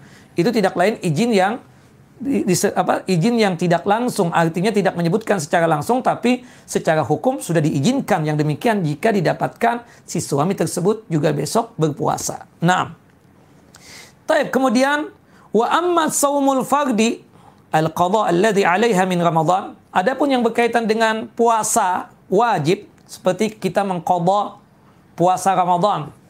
Kemarin Ramadan kita ada utang puasa sepekan atau seminggu. Ya, kita boleh untuk melaksanakan puasa wajib kita tersebut. Ya, meskipun suami hadir di rumah karena kewajiban kepada Allah lebih diutamakan ketimbang kewajiban kita kepada makhluk, termasuk kepada suami. Karena mengkodok puasa itu hukumnya apa? Wajib. Artinya itu puasa wajib, ya monggo silakan. Atau puasa nazar, atau puasa kafarat, tidak mengapa. Ya, fa innahu yajibu 'alaiha an tasumahu walau kana zaujuha syahidan. Dia wajib untuk melunasi utang puasa wajibnya termasuk puasa nazarnya atau puasa kafaratnya meskipun suaminya ada bersama dia. Walau kana ghairu radin. Termasuk juga suaminya tidak ridha. Ya. Kita kita memberitahu Bang, besok aku bayar utang ya. Oh, jangan puasa dulu dong. Kalau misalnya waktunya itu panjang, kita katakan nggak ada masalah. Kenapa? Alasannya kenapa nggak boleh? Besok kan kita mau jalan-jalan. Nah, itulah yang cerita kita katakan. Mungkin ada uzur yang demikian. Apalagi waktunya kan masih lama. Jangan besok dong, hari Senin aja misalnya. Ya kan? Itu kan artinya alasan yang bisa untuk diterima, kita katakan. Tapi kalau misalnya enggak, ya dikatakan bahwasannya uh, apa ya misalnya dia mengatakan enggak bahwa kamu jangan puasa dulu. Loh kenapa alasannya? Enggak ada alasan. Bahwa jangan puasa aja. Ah ini enggak benar. Tahu-tahu istrinya besok puasa wajib juga misalnya kodok puasa Ramadan. Yang kemarin ini. Ya tanpa seizin daripada suaminya tanpa diridho dan disenang oleh suaminya. Apakah berdosa si istri tersebut? Tidak. Apalagi sudah ada mukaddimah sudah ada pemberitahuan. Tapi tahu-tahu suami tanpa alasan tidak ridho aja atau tidak setuju aja. Nah, ini tidak benar kita katakan. Seperti itu. Ya, meskipun si suaminya tidak ridho, kalau itu berkaitan dengan puasa wajib, boleh dia laksanakan. Li'annahu la khiyara laha bidzalik. Karena dalam masalah ini tidak ada pilihan lagi kecuali pilihannya mendahulukan Allahu Jalla Jalaluh, yaitu taat kepada Allahu Jalla Jalaluh wa ta'atullahi muqaddamatun ala ta'ati zaud. Taat kepada Allah itu lebih didahulukan daripada taat kepada suami. Nah, seperti itu. Nah, kemudian selanjutnya, lakin siyamul mar'a atatawu bi hadrati zawjiha idza kana syahidan yakni ghairu musafir wa ghairu ghaib. Nah, kalau sekiranya seorang perempuan melakukan puasa sunnah, itu kan yang tidak boleh kalau suaminya ada di rumahnya bersama dia. Ya, yang kemungkinan besar si suami ingin hajat itu kita katakan, ya. Makanya harus minta izin dulu, Bang, besok aku mau puasa Arafah. Diizinkan atau tidak? Suami memang besok ada di rumah. Adapun jika suami tersebut safar keluar kota, kita tahu besok suami keluar kota atau suami lagi nggak ada di tempat, lagi pulang kampung misalnya. Ya besok kita puasa tanpa izin sekalipun berhubung si suami tersebut tidak ada di rumah, maka tidak mengapa yang demikian. Seperti itu. Ya. Fa innahu yakunu dzalika madhannatun litadyi' wa ta'til huquqihi. Ya kan seperti itu. Fahiya idza samat qad tabtiru 'anil qiyam biwajibatihi wa huquqihi allati 'alaiha. Naam. Karena kalau misalnya dia ada di tempat, si perempuan itu melaksanakan puasa sunnah, itu berarti nanti mengurangi atau menghilangkan hak-hak suami seperti itu. Maka oleh sebab itu kita katakan izin sama suami. Tapi kalau suami tidak ada di tempat, lagi keluar kota, lagi mudik, lagi pulang kampung, ya tanpa izin sekalipun dia besok puasa boleh. Untuk puasa sunnah, tidak mengapa yang demikian. Amma idza alimat anna zawjaha ya'zan wa annahu la yumani min hadha fahiya la tahtat an tasta'din fi kulli marrah. Begitupun juga kita tahu suami kita baik, masya Allah, ya kan? Subhanallah, malaikat kita kata ibu-ibu kan seperti itu. Maksudnya apa? Si suami itu kalau toh kita nggak nggak minta izin berulang-ulang, pasti suami kita mengizinkan. Kita tahu nih suami kita itu, karena berumah tangga sudah lama. Subhanallah, tidak perlu setiap kali puasa sunnah, ibu minta izin seperti itu, ya kan? Karena kita hakul yakin dari perjalanan berumah tangga dengan dia, dia pasti mengizinkan. Dia pasti apa? Mengizinkan. Tidak perlu setiap kali pingin puasa sunnah, minta izin dulu. Setiap kali pingin puasa sunnah, minta izin dulu pada suaminya. Kalau kita paham, kita mengerti, suami kita pasti mengizinkan. Seperti itu. Nah, ya, artinya cukup waktu awal berumah tangga dia bilang kepada suaminya, Subhanallah besok kebetulan hari Senin aku ingin puasa ya. Aku memang sebelum nikah ini biasa puasa Senin Kamis. Silahkan, kata suaminya. Kamu nggak izin sekalipun aku izinkan sudah. Nggak perlu lagi pakai ngomong lagi hal itu. Nah itu kan bang. Suami yang baik seperti itu, Masya Allah. Tidak perlu lagi nanti setiap kali dia ingin puasa, telepon suaminya atau ngomong dulu sama suaminya. Kita katakan tidak perlu. Kalau hakul yakin, si suaminya tersebut pasti apa? Mengizinkan. Kadzalika kalau anna hadza zaud qad tazawaja bi ukhra masalan. Ah, maaf ya ibu-ibu ya minta maaf sebelumnya. Kalau suami ibu punya pos lebih daripada satu, pos pos dua, pos tiga, pos empat. Ya. Kalau sekiranya ibu tahu ya pos-pos tersebut adanya juga di satu daerah dengan ibu di Jakarta juga misalnya. Ibu besok ingin puasa sunnah. Hatta nggak izin sekalipun ibu ngerti ya bahwasanya si suami ya nanti juga akan datang ke pos ini atau pos yang selanjutnya seperti itu. Maka tidak mengapa yang demikian untuk puasa sunnah tanpa izin dia. Karena dia apa? Memiliki pos lebih daripada satu. Artinya untuk menyalurkan hajatnya tersebut tidak mesti harus pos yang satu ini saja. Kita katakan seperti itu. Artinya ya kemungkinan apalagi dia seisi tahu jadwal-jadwalnya. Ya, hari ini tempat saya besok di tempat si ini, besok di tempat si fulana, besok lagi di tempat alana. Nah, it's okay. Nggak ada masalah yang seperti itu. Ya kan? Artinya fasarat tasumu yauman wa tubtiru yauman. Seperti misalnya dia ingin puasa Nabi Daud alaihissalam. It's okay. Selama dia tahu jadwalnya si suami tersebut.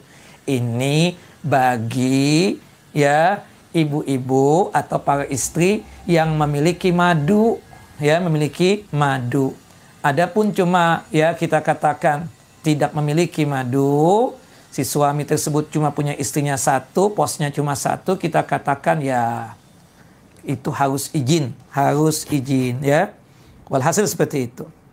Nah, disebutkan la iskala wala tahtaju ilal isti'dan ma anna zawjaha hadir lakinnahu la yahsulu lahu dhalika bidzalika ta'tilu limana limanafihi Wa ala zaud aydan ayyurai sya'nul mar'ah ya. Artinya kita tahu keadaan seorang istri itu memang rajin berpuasa. Kebetulan si suami tersebut memiliki lebih daripada satu misalnya. Ada pos dua, ada pos tiga, ada pos empat misalnya kan seperti itu.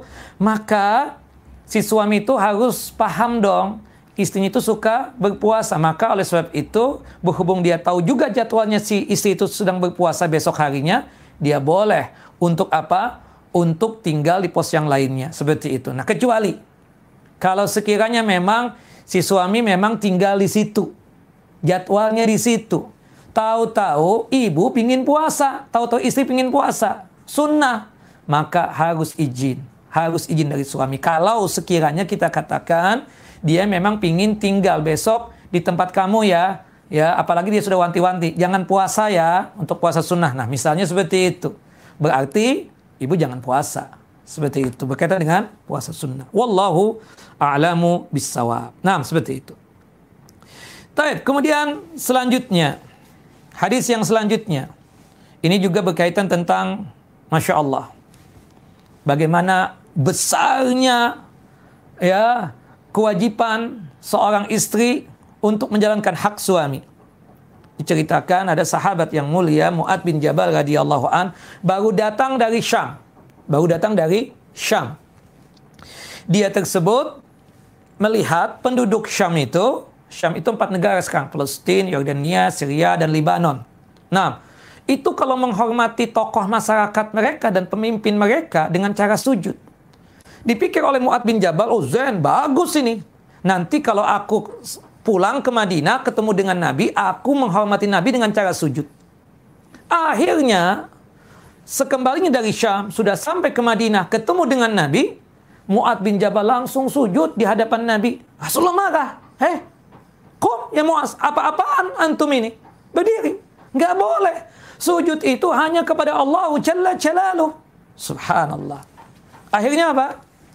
Rasulullah mengatakan hadis ini kepada Mu'ad bin Jabal, "Lau kuntu amiran ahadan an yasjuda li ahadin la amartul mar'ata an tasjuda li zawjiha." Hei Mu'az, ketahuilah.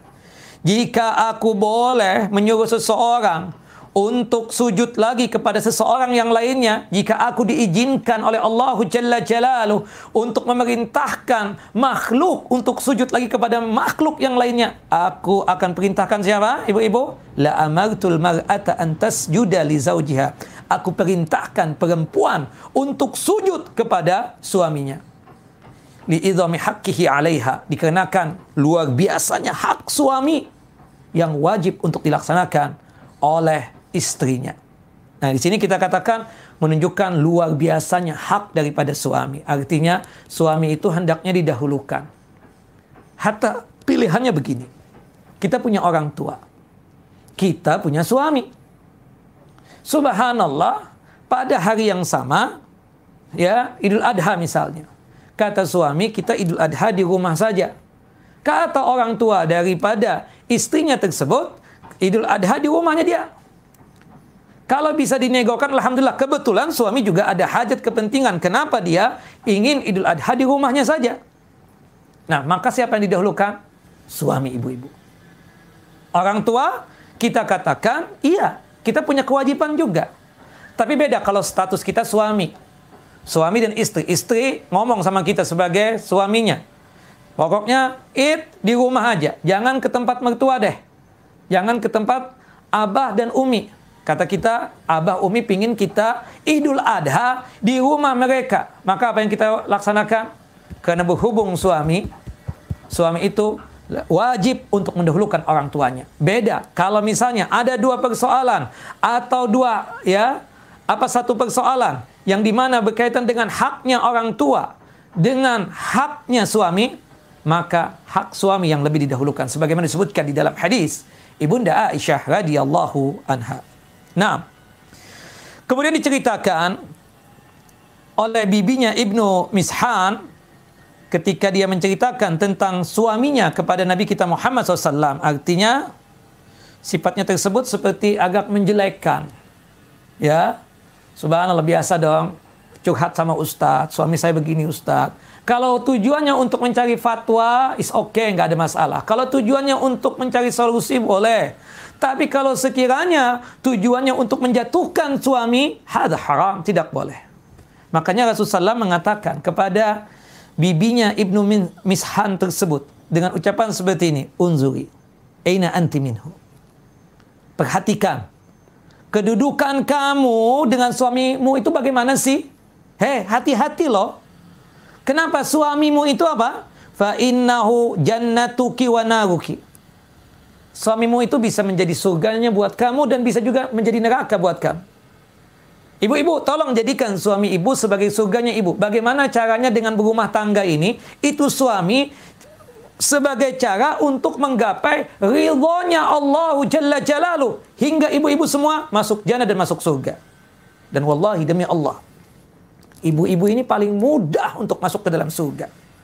Disebutkan di dalam hadis Abdurrahman bin Auf radhiyallahu anhu. Qala Rasulullah sallallahu alaihi wasallam.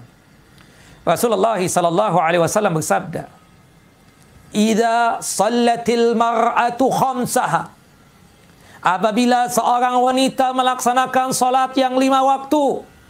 Gampang tidak? Gampang salat lima waktu. Zuhur, asar, maghrib, isya, dan subuh. Gampang. Wasamat syahraha Kemudian amalan yang kedua yang dilakukan oleh perempuan tersebut selain salat yang lima waktu melaksanakan puasa Ramadan. Gampang tidak? Sangat gampang. Yang ketiga, wahafidhat farjaha. Dia jaga syahwatnya, dia jaga kemaluannya. Syahwatnya, kemaluannya hanyalah untuk laki-laki yang sah menjadi suaminya. Gampang, gampang. Tidak mau selingkuh, tidak mau affair, Sanggup dia tinggalkan seperti itu. Sanggup dia tinggalkan. Ah, ibu. Subhanallah. Jangan mudah-mudah untuk menerima ya, telepon dari laki-laki yang ibu tidak kenal. Ya, tidak kenal, hatta kenal, itu pun cuma sebatas hajat dan keperluan saja. Jangan berlama-lama. Syaitan yang ketiganya nanti. Itu sebagai cara untuk menjaga kehormatan ibu sebagai seorang wanita. Jaga syahwat, jaga kemaluan. Subhanallah. Jangan gampangan kita tersebut. Jangan apa? Gampangan. jaga itu syahwat, jaga itu kemaluan. Itu syahwat, itu kemaluan hanyalah untuk laki-laki yang sah menjadi suaminya. Wa ata'at zaujaha. Kemudian dia tersebut taat kepada suaminya. Ketika suaminya memerintahkan kebaikan. Apa yang terjadi ketika seorang wanita sanggup untuk melaksanakan empat amalan yang sangat mudah untuk dikerjakan oleh wanita tersebut. Solat yang lima waktu, berpuasa Ramadan, kemudian menjaga syahwat dan kemaluannya. Ya, syahwat dan kemaluannya hanyalah untuk laki-laki yang sah menjadi suaminya. Hanya untuk suaminya yang sah buat dirinya. Kemudian dia taat kepada suaminya ketika memerintahkan kebaikan. Wa qalatil jannah.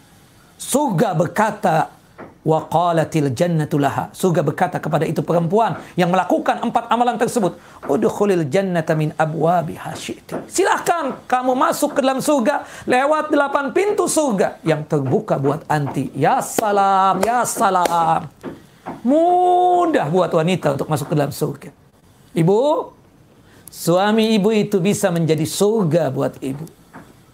Ketika ibu taat kepada suami, ketika dia memerintahkan kebaikan. Subhanallah. Tetapi wanaruki, tapi bisa jadi itu suami menjadi neraka buat ibu.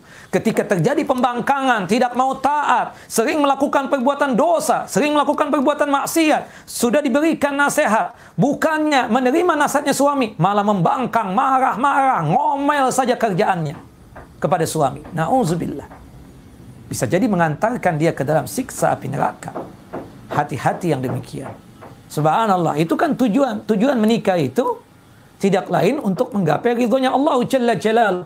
Mudah-mudahan dengan pernikahan kita sebagai suami kita jadikan semoga istri kita tersebut sebagai jalan kita untuk mendapatkan jannah dan surganya Allah Jalla Jalalu. Kita sebagai istri kita jadikan suami kita tersebut sebagai caranya kita untuk mendapatkan ridhonya Allah hingga kita masuk ke dalam jannah dan surganya Allah Subhanahu wa taala. Naam. Kemudian ada hadis lain. Dari sahabat yang mulia Abdullah bin Amr bin As radhiyallahu anhuma. Semoga Allah jalla jalaluhu meridai beliau. Qala Rasulullah SAW Rasulullah SAW bersabda la yanzur Allah ila imra'atin la tashkur li zawjiha wa hiya la tastaghni anhu Allah tidak akan melihat kepada seorang perempuan atau kepada seorang istri yang tidak pandai berterima kasih kepada suaminya dan juga dia merasa tidak butuh dengan suaminya. Subhanallah. Dikatakan oleh Syekh Saleh Al-Fauzan, hafizahullah ketika menjelaskan tentang hadis ini, ya. Subhanallah. Kata Syekh Saleh Al-Fauzan, hafizahullah, kita sebagai istri itu berusaha seoptimal mungkin selalu mengucapkan ucapan syukur atau terima kasih kepada suami kita yang telah memenuhi hajat-hajat kita. Alhamdulillah, ibu punya rumah, disediakan oleh suami. Rumahnya besar, lagi mewah. Syukuri ya Allah. My sweetheart, my husband. Subhanallah, ya. Subhanallah, terima kasih banyak ini atas apa yang engkau telah berikan. Engkau telah menyediakan rumah buat aku dan buat anak-anakku. Ya salam. Syukuri hatta cuma sekedar yang mungkin ibu bisa untuk mendapatkan itu. Suami baru pulang dari rumah membawa pisang goreng. Ibu bisa masak pisang goreng, ahli bahkan lebih enak daripada yang dibeli oleh suami. Tapi suami ini subhanallah datang ke rumah dengan wajah yang ceria menunjukkan hadiah yang dia berikan kepada istrinya. Dibuka pisang goreng. Mungkin dalam hati ibu ya pisang goreng. Tapi subhanallah jangan pakai ya pisang goreng. Kita tunjukkan wajah yang ceria di hadapan suami kita. Masya Allah, nikmat nih pisang goreng. Beli di mana kakanda? Hah? Beli di mana suat hat ini? Enak ini pisang goreng. Subhanallah. Kita syukuri itu. Jazakallah khairan. Semoga Allah Jalla Jalaluh membalas engkau, wahai suamiku, dengan kebaikan-kebaikan. Subhanallah. Ucapan itu yang sering keluar. Jangan mudah untuk mengingkari kebaikan suami. Subhanallah. Hati-hati ketika suami membawa pisang goreng, Ya, kemudian dibuka, ya pisang goreng. Gue juga bisa bikin. Jangan diucapkan itu ucapan. Hati-hati yang demikian.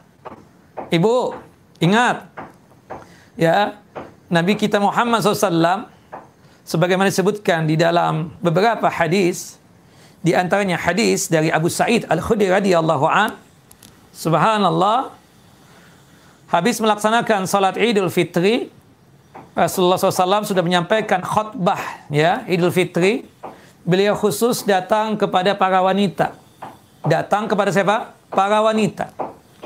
Kemudian mengatakan, Ya ma'syaran nisa tasaddaqna. Hei para wanita, tolong kalian ini banyak-banyak bersedekah. Berinfak. Ya. Subhanallah diceritakan dalam hadis yang lain, ada seorang wanita yang berdiri Kemudian bertanya kepada Nabi SAW, Ya Rasulullah, Ya Nabi Allah, kenapa kok penekanan tentang masalah sedekah atau berkaitan dengan amalan ini ditekankan betul kepada kami? Eh ada sebab apa ya Rasulullah? Maka Rasulullah SAW, Rasulullah SAW menjawab, Fa inni uritu kunna akthara ahlin nar. Ditampakkan kepadaku penghuni neraka paling banyaknya itu adalah para wanita. Subhanallah. Fakulna. Kemudian ada yang bertanya kepada Nabi SAW. Para wanita itu bertanya, Ya Rasulullah, lima ya Rasulullah. Kenapa kok kita paling banyak masuk neraka? Kenapa wanita paling banyak masuk neraka? Apa sebabnya? Kala Rasulullah SAW. Rasulullah SAW menjawab, tuksirna al-la'na wa takfurna al-ashir. Kerana para wanita itu sering memperbanyak ucapan laknat. Sedikit-sedikit laknat Allah. Sedikit-sedikit ucapan-ucapan yang macam-macam lah. Ya. Yang se -se -se sebanding dengan ucapan laknat tersebut. Dan kesalahannya kebanyakan wanita tersebut masuk ke dalam siksa api neraka dikarenakan apa? Wa takfurna al-ashir. Kalian wahai para wanita suka mengingkari kebaikan laki-laki. Suka mengingkari apa? Kebaikan laki-laki. Tidak bersyukur kepada suami kalian. Tidak bersyukur apa akan apa yang telah diberikan oleh suami kalian tersebut. Nah, makanya hendaknya kita tersebut sebagai seorang istri memperbanyak syukur kepada siapa? kepada suami. Apa yang telah diberikan disediakan. Rumah mobil tidak cukup satu tiga. Mobilnya mewah-mewah semua. Tidak cukup dengan mobil. Dibelikan lagi pakaian. Tidak cukup satu lemari satu lemari ya dikasih empat lemari setiap lemari ada seratus pakaian subhanallah belum lagi momen-momen ada acara-acara tertentu seperti kawinan, dibelikan lagi pakaian, Allahu Akbar. Belum lagi makan. Tak, istrinya tersebut, istrinya tersebut tidak bisa apa? Tidak bisa memasak tahu. Subhanallah setiap hari apa? GoFood lagi, GoFood lagi kita katakan. Tahu itu suami. Itu syukuri. Subhanallah bisa. Ya, apalagi waktu awal kawin. Subhanallah, masih masak air saja pakai dicicipin terlebih dahulu. Gimana coba? Subhanallah, tahu suami sudah. Ya kan, tapi dianggap uzur oleh suaminya. Is okay, nggak apa-apa, ini istriku, ini bagianku. Itu kan kebaikan-kebaikan suami. Subhanallah, itu yang harus disyukuri. Jangan sampai tidak disyukuri. Apalagi merasa tidak butuh. Berhubung dia bekerja juga, ada fulus juga. Subhanallah, menganggap nggak butuh dengan kehadiran suami. Nauzubillah. Jangan. Jangan. Allah tidak melihat wanita yang tidak pandai bersyukur kepada suaminya. Allah tidak melihat istri yang tidak yang membutuhkan adanya suami di sisinya. Allah tidak melihat. Hati-hati. Allah tidak melihat mereka tersebut. Terakhir, dari hadis kita ini yang dibawakan hampir mirip dengan apa yang sudah kita bahas sebelumnya yaitu ya hadis yang yang dikeluarkan ya disebutkan di sini dalam hadis yang sahih ya qala Rasulullah sallallahu alaihi wasallam Rasulullah sallallahu alaihi wasallam bersabda, "Man kharajat min baiti zawjiha la'anat hal malaika hatta tarji'a an tatuba." Ya, barang siapa yang keluar dari rumah suaminya karena nusyus, maka para malaikat melaknati hingga dia kembali atau bertaubat. Nah, maaf ya, ini hadis diperdebatkan. Yang hadis sahih tadi yang saya sebutkan adalah hadis yang dikeluarkan oleh Al-Imam Nasai, la yanzurullahu ila mra'atin la tashru li zawjiha wa hiya la tastaghni anhu. Allah tidak akan melihat kepada seorang istri yang tidak pandai berterima kasih kepada suaminya dan Allah tidak melihat seorang istri yang merasa tidak butuh dengan kehadiran suaminya. Artinya ini yang hadis sahih. Sedangkan hadis yang kita bacakan tadi status yang benar bahwasannya ini memang perdebatan di kalangan ulama ada yang mengatakan ini hadis derajatnya hasan, ada yang mengatakan ini hadisnya dhaif. Bunyi hadisnya seperti ini man kharajat min baiti zawjiha la'anat hal malaikatu hatta tarji'a aw tatuba barang siapa yang keluar dari rumah suaminya karena nusyus karena dia menentang suaminya atau membangkang suaminya, maka para malaikat melaknati perempuan tersebut hingga dia kembali ke rumahnya atau bertaubat kepada Allahu Jalla Jalaluh. Hadis ini apa? Diperdebatkan di kalangan para ulama. Walhasil kita sebagai seorang suami jalankanlah hak-haknya istri Begitupun juga kita sebagai istri, jalankanlah hak-haknya suami. Insya Allah,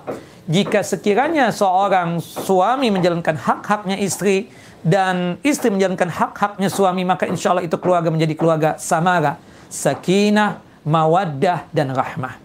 Mudah-mudahan kita katakan bermanfaat buat kita semua dan mudah-mudahan kita dianugerahkan oleh Allah Jalla wa'ala ya untuk keluarga kita keluarga yang samara, sakinah, mawaddah dan warahmah. Dan mudah-mudahan sebab kawinnya kita tersebut dengan pasangan kita sekarang ini Allahu Jalla Jalalu menjatuhkan ridha dan rahmatnya atas kita semua sehingga kita sekeluarga suami kita, istri kita, anak-anak kita dan keturunan kita masuk surga tanpa ada hisab. Wallahu a'lamu bishawab. Taib. Tinggal 15 menit lagi atau 20 menit lagi. Di sini ada beberapa pertanyaan. Taib, yang pertama.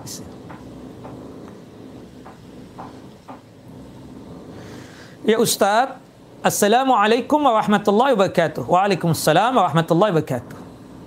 Bagaimana jika seorang istri melalaikan perintah, membangkang dan membenci serta berkata yang buruk pada suaminya karena keburukan suami itu sendiri? Nah, begini ya, kalau ibu mendapatkan suami ibu dalam kondisi yang buruk, atau suka melakukan perbuatan yang maksiat lah. Hendaknya ibu sebagai istri yang salehah, ya qanitah, memberikan nasihat kepada dia. Bukan marah-marah kepada dia. Bukan juga menghinakan dia. Ya. Apalagi kita katakan kalau suaminya baik-baik ya. Tapi berhubung tidak ada kerjaan, dia belum belum bukannya dia tidak mau kerja, tapi dia tidak ada kerjaan, belum dapat, belum rizkinya. Di situlah nanti kesabaran seorang istri itu betul-betul diuji. Apalagi nanti kalau sudah tambah umur, sifat bawel dari pasangan itu ada, ya. Maka sebab itu bersabarlah. Nasihat saya kepada itu istri, tolong nasihati suaminya, arahkan dia dengan arahan yang benar, sesuai dengan tuntunan dan ajaran Quran dan Sunnah. Ya, berikan nasihat kepada suami agar suami tersebut hadir ke kajian misalnya supaya dia paham, supaya mengerti apa yang dia perbuat itu adalah dosa. Semoga dengan seperti itu dia cepat untuk bertaubat. Yang kedua nasihat saya kepada istri tersebut, jangan suka ngomel-ngomel, jangan suka marah-marah, jangan suka membangkang suami, ya kalau suami itu memerintahkan kebaikan meskipun kita tahu suami itu kurang baik ya kan? Tetap wajib taat. Kalau perintahnya kebaikan. Tapi nasihat saya yang kedua kalau mendapatkan suami yang seperti itu kadang ucapan beda dengan perbuatan. Mengucapkan perbuatan-perbuatan baik. Nasihatin istrinya nasihatin anaknya baik-baik. Tapi kelakuannya malah bertentangan. Nah itu doakan. Semoga dia dapat hidayah. Semoga mendapatkan petunjuk dari Allah Jalla Jalaluhu agar dia mudah untuk melaksanakan perbuatan-perbuatan baik ya kan dan bertobat dari perbuatan maksiat atau perbuatan dosa. Wallahu a'lamu bishawab. Nah, itu yang pertama. Nah, kemudian yang selanjutnya, yang kedua, Apa hikmah Allah menganjurkan suami berpoligami? Apakah memang laki-laki membutuhkan lebih dari satu wanita dan bagaimana agar istri menerima ikhlas bila suami ingin berpoligami? Begini ya. Ya. Allah Jalla Jalalu menjelaskan dalam surah An-Nisa surah yang keempat ayat yang ketiga tentang masalah berpoligami. Ya, hikmahnya itu kita katakan tentunya tentunya adalah hikmahnya. Ada beberapa hikmah. Allah tidak mungkin mensyariatkan satu syariat kecuali ada hikmah di balik itu. Tetapi ibu-ibu dan juga bapak-bapak, tidak semua laki-laki bisa berpoligami. Dan hukum berpoligami itu kan mubah, boleh, bukan sunnah. Bukan juga berarti kalau misalnya kita sebagai istri ikhlas suami kita berpoligami pasti masuk surga. Nggak ada hadisnya itu. Ya kan tidak ada hadisnya. Karena banyak ibu-ibu, Ustaz gimana ya? Saya secara hati menolak suami saya berpoligami, tapi saya ingin masuk surga. Caranya ibu, saya ikhlas suami berpoligami lagi. Kata siapa bu? Kata suami ibu. Iya kan seperti itu. Laki-laki alasannya seperti itu. Subhanallah. Ini laki-laki kalau ditanya semuanya ingin berpoligami lagi ada keinginan. Tetapi Allah membuat batasan-batasan. Ada kita katakan rambu-rambunya. Ada syarat-syaratnya. Gak langsung main kawin-kawin aja. Makanya kan Allah mengatakan, Fankihu ma tabalakum minan nisa'i masna wa sulatha wa ruba. Jika sanggup ya nikahi. Kalau untuk tujuan mendidik anak. Anaknya banyak. Dua, tiga, empat Ya kan? Fa in khiftum, tapi kalau antum enggak siap untuk adil, fa in khiftum alla tuksid apa? Wa in khiftum alla ta'dilu. Tapi kalau misalnya menikah dua, tiga, empat, mengakibatkan kalian tidak adil, fawahidah cukup satu. Keadilan itu ada pada tiga hal. Keadilan secara kita katakan uh, apa lahiriah, nafkah lahiriah. Kemudian keadilan secara ya batiniyah artinya siap enggak dengan giliran-gilirannya tersebut? Berkaitan dengan masalah biologis kita katakan. Meskipun kita tahu di hati laki-laki tersebut dari empat pasangannya tersebut atau dari empat istrinya tersebut ada tentunya di hatinya yang dia anggap sebagai sesuatu yang lebih ya? Ada. Tapi itu hati yang bicara. Tidak boleh dinampakkan secara zahirnya di hadapan empat istrinya ya? Kemudian yang ketiga, adil dalam masalah mentarbiyah anak-anaknya. Ini anak banyak, istri empat, anak keliaran, magib di mana, Isa di mana, subhanallah. Ya kan? Ini akhirnya jadi tidak benar. Ya, subhanallah. Kalau cuma sekedar melepaskan syahwat saja, semua laki-laki kepingin seperti itu. Cuma kan ada khawfullah, ada takut kepada Allah. Kalau kawin dua, tiga, empat, yang mengakibatkan kita tidak adil, nanti ujung-ujungnya datang ke hadapan Allah Jalla Jalaluh di padang mahsyar dalam kondisi ngesot karena tidak adil ketika di dunia dengan istri-istrinya. Subhanallah. Boleh antum berpoligami, wahai para laki-laki. Tapi antum harus memiliki syarat dan kriteria. Ya. Harus punya kemampuan. Secara lahiriah, secara batiniah, dan punya kemampuan untuk mendidik anak. Kalau nggak ada punya kemampuan di antara tiga ini, atau tiga-tiganya, ada satu saya tidak ada, jangan coba-coba. Malah petaka buat antum. Malah petaka buat antum. Apalagi dengan kesibukan dia. Istri satu saya tidak terurus. Dengan anak-anaknya lima. Subhanallah. Ya, tidak terurus dengan kesibukan dia lebih banyak di luar ketimbang di rumah. Mau kawin dua, tiga, empat, kapan dia ngurusin anak dan istrinya?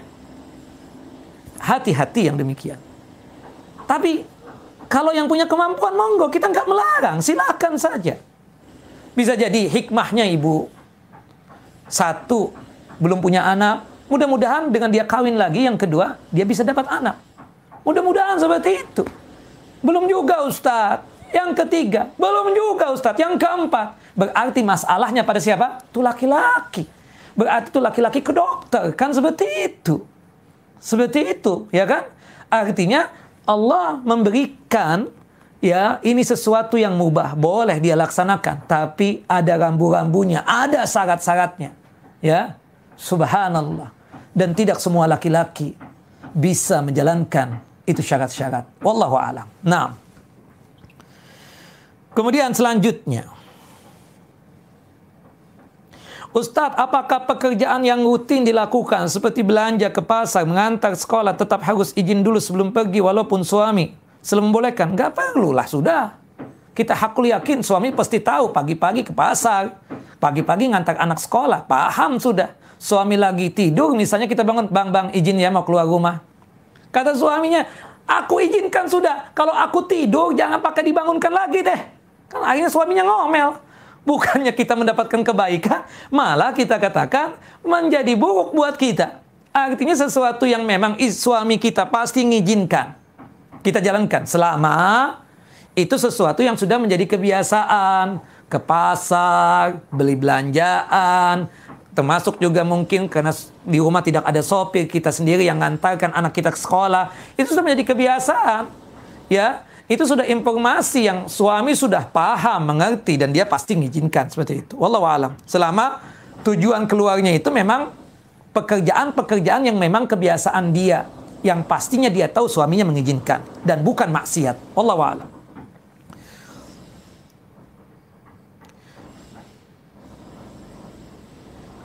Nah, barakallahu fik. Taib, selanjutnya. Pertanyaan yang selanjutnya yang ke Empat.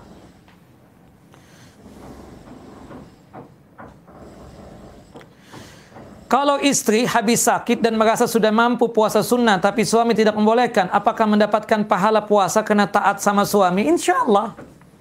Kadang kan suami itu khawatir, bukan gak ngizinkan ibu. Ibu baru sakit. Tapi aku pingin puasa Arafah besok gimana ya? Kan mama baru sakit Takut kan dokter juga melarang. Jangan puasa dulu. Akhirnya ibu, iya ya, benar juga nih. Aku taat aja deh sama suami. Subhanallah insya Allah dengan ketaatan ibu itu kepada suami, maka insya Allah Allah mengganjar pahala buat ibu. Mudah-mudahan itu sebagai caranya Allah Jalla Jalalu memasukkan ibu ke dalam jannah dan surganya Allah Jalla Jalalu. Jangan dipaksakan. Kalau sakit jangan dipaksakan. Baru sakit itu juga termasuk rentan. Jangan puasa dulu. Ya, akan mengganggu nanti fisiknya ibu lagi seperti itu. Kesian. Suami melarang itu pasti kena kasihan dan sayang kepada ibu, kena love, kena cinta kepada ibu seperti itu. Nah, Ustadz, jika saya pergi ke pasar atau minimarket ke ATM tidak izin ke suami, apakah berdosa? Kalau memang itu menjadi kebiasaan, tidak menjadi masalah. Seperti misalnya di rumah nggak ada suami, suami di kantor, kemungkinan besar dia lagi sibuk dengan pekerjaannya. Kita keluar rumah pasti diizinkan. Tujuan kita ngambil fulus di ATM Tujuannya juga untuk keperluan belanja, untuk keperluan rumah tangga, dan itu hari-hari. Dan suami pun pasti kita infokan, Pak tadi pagi aku ngambil fulus loh, ngambil uang di ATM sekian. Oh nggak apa-apa, untuk keperluan rumah tangga ada masalah. Seperti itu. Ya kan? Subhanallah. Kecuali yang besar mungkin uangnya. 100 juta mau transfer, izin deh sama suami. Tapi kalau cuma sejuta ke bawah itu, insya Allah sesuai dengan ke, ke apa ilmu yang kita pahami atau pengetahuan yang kita ketahui suami kita pasti mengizinkan dan itu suatu perbuatan yang biasa ya diketahui oleh suami dan suami pasti yang mengizinkan maka lakukanlah seperti itu nggak ada masalah selama ya bukan sesuatu yang sifatnya maksiat selama juga bukan sesuatu yang sifatnya besar kecuali kalau yang besar yang suami tidak tahu harus disampaikan dan harus izin suami nah seperti misalnya ada keluarga kita datang dari daerah ke rumah kita, ingin mampir ke rumah kita. Suami kita nggak tahu. Kita telepon suami, bang, si ini mau ke sini gimana? Ah, enggak, ya, nggak apa-apa, izinkan udah. Abang nggak datang? Enggak, aku baru bisa datang malam nih, gimana? Ya udah, Kim salam aja dulu deh. Nah, artinya kan suami udah ngizinkan. Kita minta izin karena itu tidak setiap hari kejadiannya. Artinya kadang suddenly dan mendadak seperti itu. Kita ngomong lewat telepon kan gampang untuk sekarang ini. Nah, Taib. Kemudian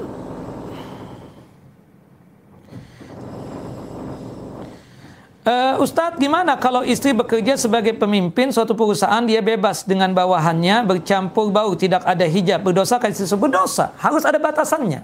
Ibu, ibu bekerja itu yang pertama pekerjaannya halal.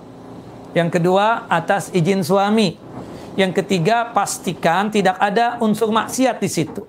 Nah, kita sebagai pimpinan dari satu perusahaan mungkin ketemu dengan laki-laki yang bukan mahram kita. Yang kita bicarakan cuma sebatas pekerjaan saja. Lain tidak. Selesai pekerjaan, selesai juga sudah. Artinya dia keluar dari kantor kita, Ah, kemudian ketika dia bertemu dengan kita, tentunya kita katakan tidak di tempat yang tertutup, ya tempat yang terbuka dalam artian ada orang yang melihat kita ya mungkin tertutup dengan apa dengan kaca-kaca. Artinya orang yang dibalik daripada kaca itu bisa melihat apa yang terjadi di dalam. Nah itu berarti bukan khalwah bukan kita katakan berdua-duaan. Tapi kalau sekiranya di tempat yang tertutup ya berdua-duaan ini masuk nanti kategori sesuatu yang dilarang oleh Nabi sallam la ya la yakhluwanna rajulun bimra'atin illa wa ma'ahadhu mahramin. Tidak boleh seorang laki-laki berduaan dengan seorang wanita yang bukan miliknya, bukan mahramnya, kecuali bersama dia ada mahramnya. Nah, untuk menghindari itu fitnah, berbicara dengan bawahan kita ya di tempat-tempat yang terbuka dalam artian bisa dilihat oleh asisten-asisten kita atau staf-staf kita yang lain. Kemudian yang kedua kita katakan jangan sampai kita berbicara berkaitan dengan pekerjaan sekalipun berdua-duaan di tempat yang tertutup. Wallahu a'lam. Nah, hindari yang haram-haram. Kemudian selanjutnya ibu-ibu yang dimuliakan oleh Allahu Jalla wa Ala. Nah, jika saya memilih diam menghadapi suami yang belum berhijrah, terkadang diskusi mengenai agama. Justru malah jadi perdebatan. Alhamdulillah suami salat lima waktu. Namun setiap diluruskan hal-hal tentang sunnah, selalu berdebat. Misalnya saya minta salat ke masjid, dia nggak mau. Dia masih meyakini, ya, apa? Dia misalnya masih meyakini berkaitan dengan feng shui, atau masih ingin beli mobil dengan riba, meskipun dia masih sholat dan bla bla bla yang lainnya. Begini ya, suami alhamdulillah ada sisi baiknya dia salat lima waktu, dia puasa Ramadan, kemudian juga dia tersebut menunaikan zakat, dia pun juga kalau diajak umrah mau, berhaji juga oke. Okay. Tapi ada maksiat yang dia lakukan. Nah, yang paling berbahaya di sini Peng Shui ini. Ini syirik, Bu. Ibu kasih tahu. Ya, Peng Shui ini kan ya percaya dengan angka-angka, percaya dengan uh, uangan ini harus begini. Kalau nggak begini akan terjadi begini. Nah, itu kan syirik. Nah, Ibu kasih tahu. Ya kesian suami kalau nggak kasih tahu itu. Termasuk masalah riba bang bisa nggak? Aku nggak kepingin ya mobil yang mewah juga nggak. Kecuali kalau ada duitnya kontan. Ya kalau bisa nggak pakai nyicil deh. Nyicil juga bikin pusing kepala yang kedua jangan pakai riba deh bunga bang takut kita mati meninggal ya kan seperti itu nah suami mungkin karena suami kadang kan sok pintar ya kan berkaitan dengan din agama atau masalah dunia sementara waktu dia mungkin ngomel-ngomel sambil kita doakan. Mudah-mudahan dia tersebut dapat hidayah. Nanti ketika lagi berduaan di kasur ngomong lagi cerita. Tadi aku uh, dengar kajian loh. Uh, menurut abang gimana nih kajian begini begini begini. Nah, kemudian mudah-mudahan dari bertahapnya ibu menyampaikan ilmu, mudah-mudahan biiznillah suami tersebut apa? Dapat hidayah dari Allahu Jalla wa ala. Nah, Ya Ustadz, bagaimana cara menghadapi seorang istri yang ketika diperintahkan oleh suami terhadap hal-hal yang tidak bertentangan dengan syariat hampir selalu membantah terlebih dahulu. Misalnya apa? Kalau misalnya berkaitan dengan hal-hal yang disyariatkan, wajib ya untuk dilaksanakan. Pakai jilbab, keluar rumah, harus pakai jilbab bersama semua, wajib dilaksanakan. Ini hal-hal yang tidak bertentangan dengan syariat, hampir selalu membantah. Misalnya gini, ya. Besok bikin nasi uduk ya. Hah nasi uduk. Nasi ulam aja. Nah itu kan mubah ya. Sesuatu yang mubah. Saran saya ibu nasihat ya. Meskipun itu mubah sesuatu yang baik tapi ibu membantahnya dengan cara seperti itu jadi dosa jadi dosa ya misalnya ibu mengatakan capek ah nasi uduk nasi uduk ya, lama loh bikinnya nasi ulam aja lebih cepat misalnya kan begitu atau misalnya berkaitan dengan apa? Bikin rumah ya. Selalu aja antara suami itu ada perdebatan. Satu pingin catnya coklat, satu lagi pinginnya catnya tersebut ya warna putih misalnya. Nah, gimana untuk memadukan tersebut? Ya, musawarkan. Nah, Kalau coklat nih kalau digabung dengan putih lebih bagus. Nah, itu kan sesuatu yang mubah. Tapi jangan sampai kita sebagai istri membantahnya itu dengan kosakata yang membuat sakit si suami. Pah, nggak bagus kayaknya kalau coklat, pah. Kelihatan kotor ya. Tapi kalau putih kan buning, Masya Allah seperti ada cahayanya. Nah itu kan lebih bagus. Meskipun hal yang membantahnya itu, apa hal-hal yang dibahas itu hal-hal yang mubah. Tapi kita katakan di sinilah poin bagaimana adab etikanya seorang istri. Meskipun ibu-ibu itu sesuatu yang mubah, tapi tolonglah ketika kita membantahnya, berdebatnya, ya, ya, tolong dengan cara-cara yang santun, yang baik, yang tidak membuat si istri tersebut atau tidak membuat si suami tersebut jadi baperan, jadi bawa perasaan seperti itu. Allah alam. Nah, terakhir ibu-ibu yang dimuliakan oleh Allah Jalla wa ala. Assalamualaikum warahmatullahi wabarakatuh Ustaz. Waalaikumsalam warahmatullahi wabarakatuh. Bagaimana jika anak mempersilahkan suami menikah wanita selingkuhannya dan akan berusaha menjalankan hidup berpoligami? Namun jika di pertengahan jalan anak menyerah dan malah jadi menzalimi suami, tidak memenuhi hak-haknya dalam mengurusi kebutuhannya, dikenakan kelemahan anak yang sulit mengikhlaskan. Dia berpoligami. Apakah adalah alasan syari untuk anak menggugat cerai? Allahu Akbar. Semoga ibu-ibu yang mendengarkan kajian ini suaminya adalah suami-suami yang baik. Suami-suami yang tidak mudah affair, tidak mudah selingkuh, yang selalu memandangkan hatinya dan pandangan matanya cukup kepada suaminya, eh, cukup kepada istrinya yang sah saja. Nah, ini perselingkuhan itu dosa besar. Dosa besar. Beda kalau ibu misalnya mempersilahkan dia kawin dengan perempuan yang solehah, yang sebelumnya tidak terjadi apa-apa. Itu beda. Bang, sepertinya aku ini sudah tua, gak kuat lagi memenuhi hajat abang, takutnya aku nanti jadi dosa. Gimana kalau misalnya ya abang kawin lagi? Ah, mama jangan ngomong begitu deh. Iya bang, aku serius nih ngomongnya Kebetulan aku punya teman ya belum menikah. Umurnya 41 tahun. Abang nikah dengan dia. Kalau perlu aku yang melamarkan nanti. Nah itu jalannya untuk melakukan pernikahan yang kedua itu baik. Bukan diawali dengan maksiat. Kalau ini kan diawali dengan adanya syaitan, adanya iblis, adanya syaitan, apa adanya apa sesuatu perbuatan dosa yaitu perselingkuhan. Ya. Subhanallah syaitannya itu desim namanya, ha? Subhanallah yang kelihatannya ajib. Coba kalau kawin dari hasil perselingkuhan tersebut. Sudah kawin nih, nggak ajib lagi. Karena memang syaitan itu selalu menghiasi. Ya, dosa-dosa itu sepertinya bagus, nikmat, dan lain sebagainya. Subhanallah. Nah, itu yang terjadi. Ya, terjadi seperti itu. Laki-laki nih, istrinya Masya Allah, soleha, cantik, jelita, putih, bening. Masya Allah, kita katakan. Lihat perempuan di luar, ya subhanallah, ya hitam, pekat, tapi dihiasi oleh syaitan, jadi indah saja. Hitam manis deh. Syaitan. Ibu-ibu juga begitu. Masya Allah suaminya bagus, ya segala semuanya disediakan. Ketemu dengan laki-laki, yang bukan mahramnya ya subhanallah seakan-akan bagus zen dan lain sebagainya tapi kalau sudah dijalani sudah kawin nggak enak semuanya makanya oleh sebab itu kita sebagai laki-laki kalau kita ingin istri kita tetap cantik sampai nenek-nenek kalau kita memandang sesuatu yang haram tadi ya terjadi jetakan di jantung tersebut maka godul basal tundukkan pandangan subhanallah seperti itu Ya, itu syaitan yang mengakibatkan dosa buat kita. Ya, seperti itu. Kemudian ya, yang kedua, Ibu, semoga belum terjadi ini ya, semoga belum terjadi, nasihati suami. Ya, nasihati suami. Itu akibat terlalu bebas dengan lawan jenis, ya. Artinya dia terlalu bebas bermuamalah, bergaul dan lain sebagainya. Pekerjaan-pekerjaan tahu-tahu lebih daripada itu dia laksanakan juga. Ini bahaya. Enggak suami, enggak istri. Enggak laki, enggak perempuan. Banyak yang terjadi seperti itu. Ya.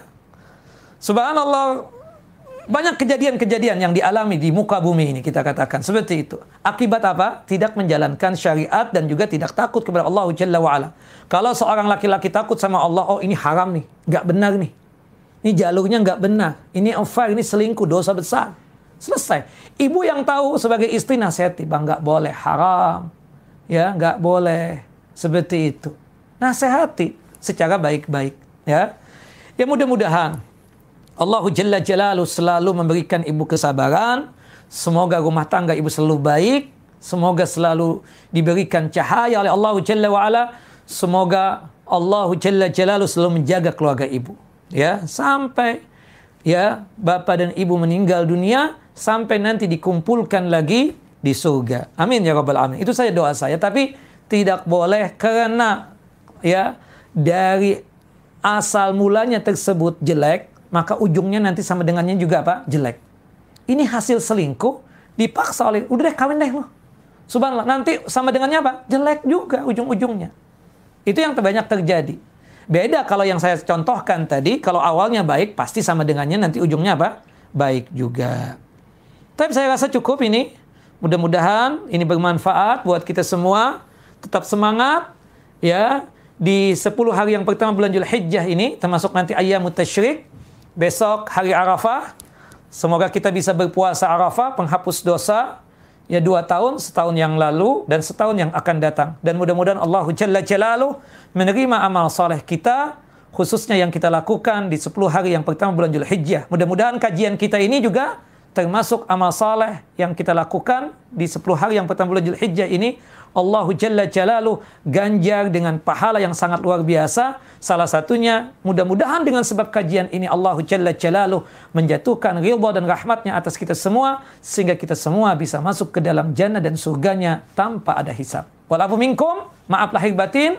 Subhanakallahumma bihamdika asyhadu an la ilaha illa anta astaghfiruka wa atubu ilaik. Assalamualaikum warahmatullahi wabarakatuh.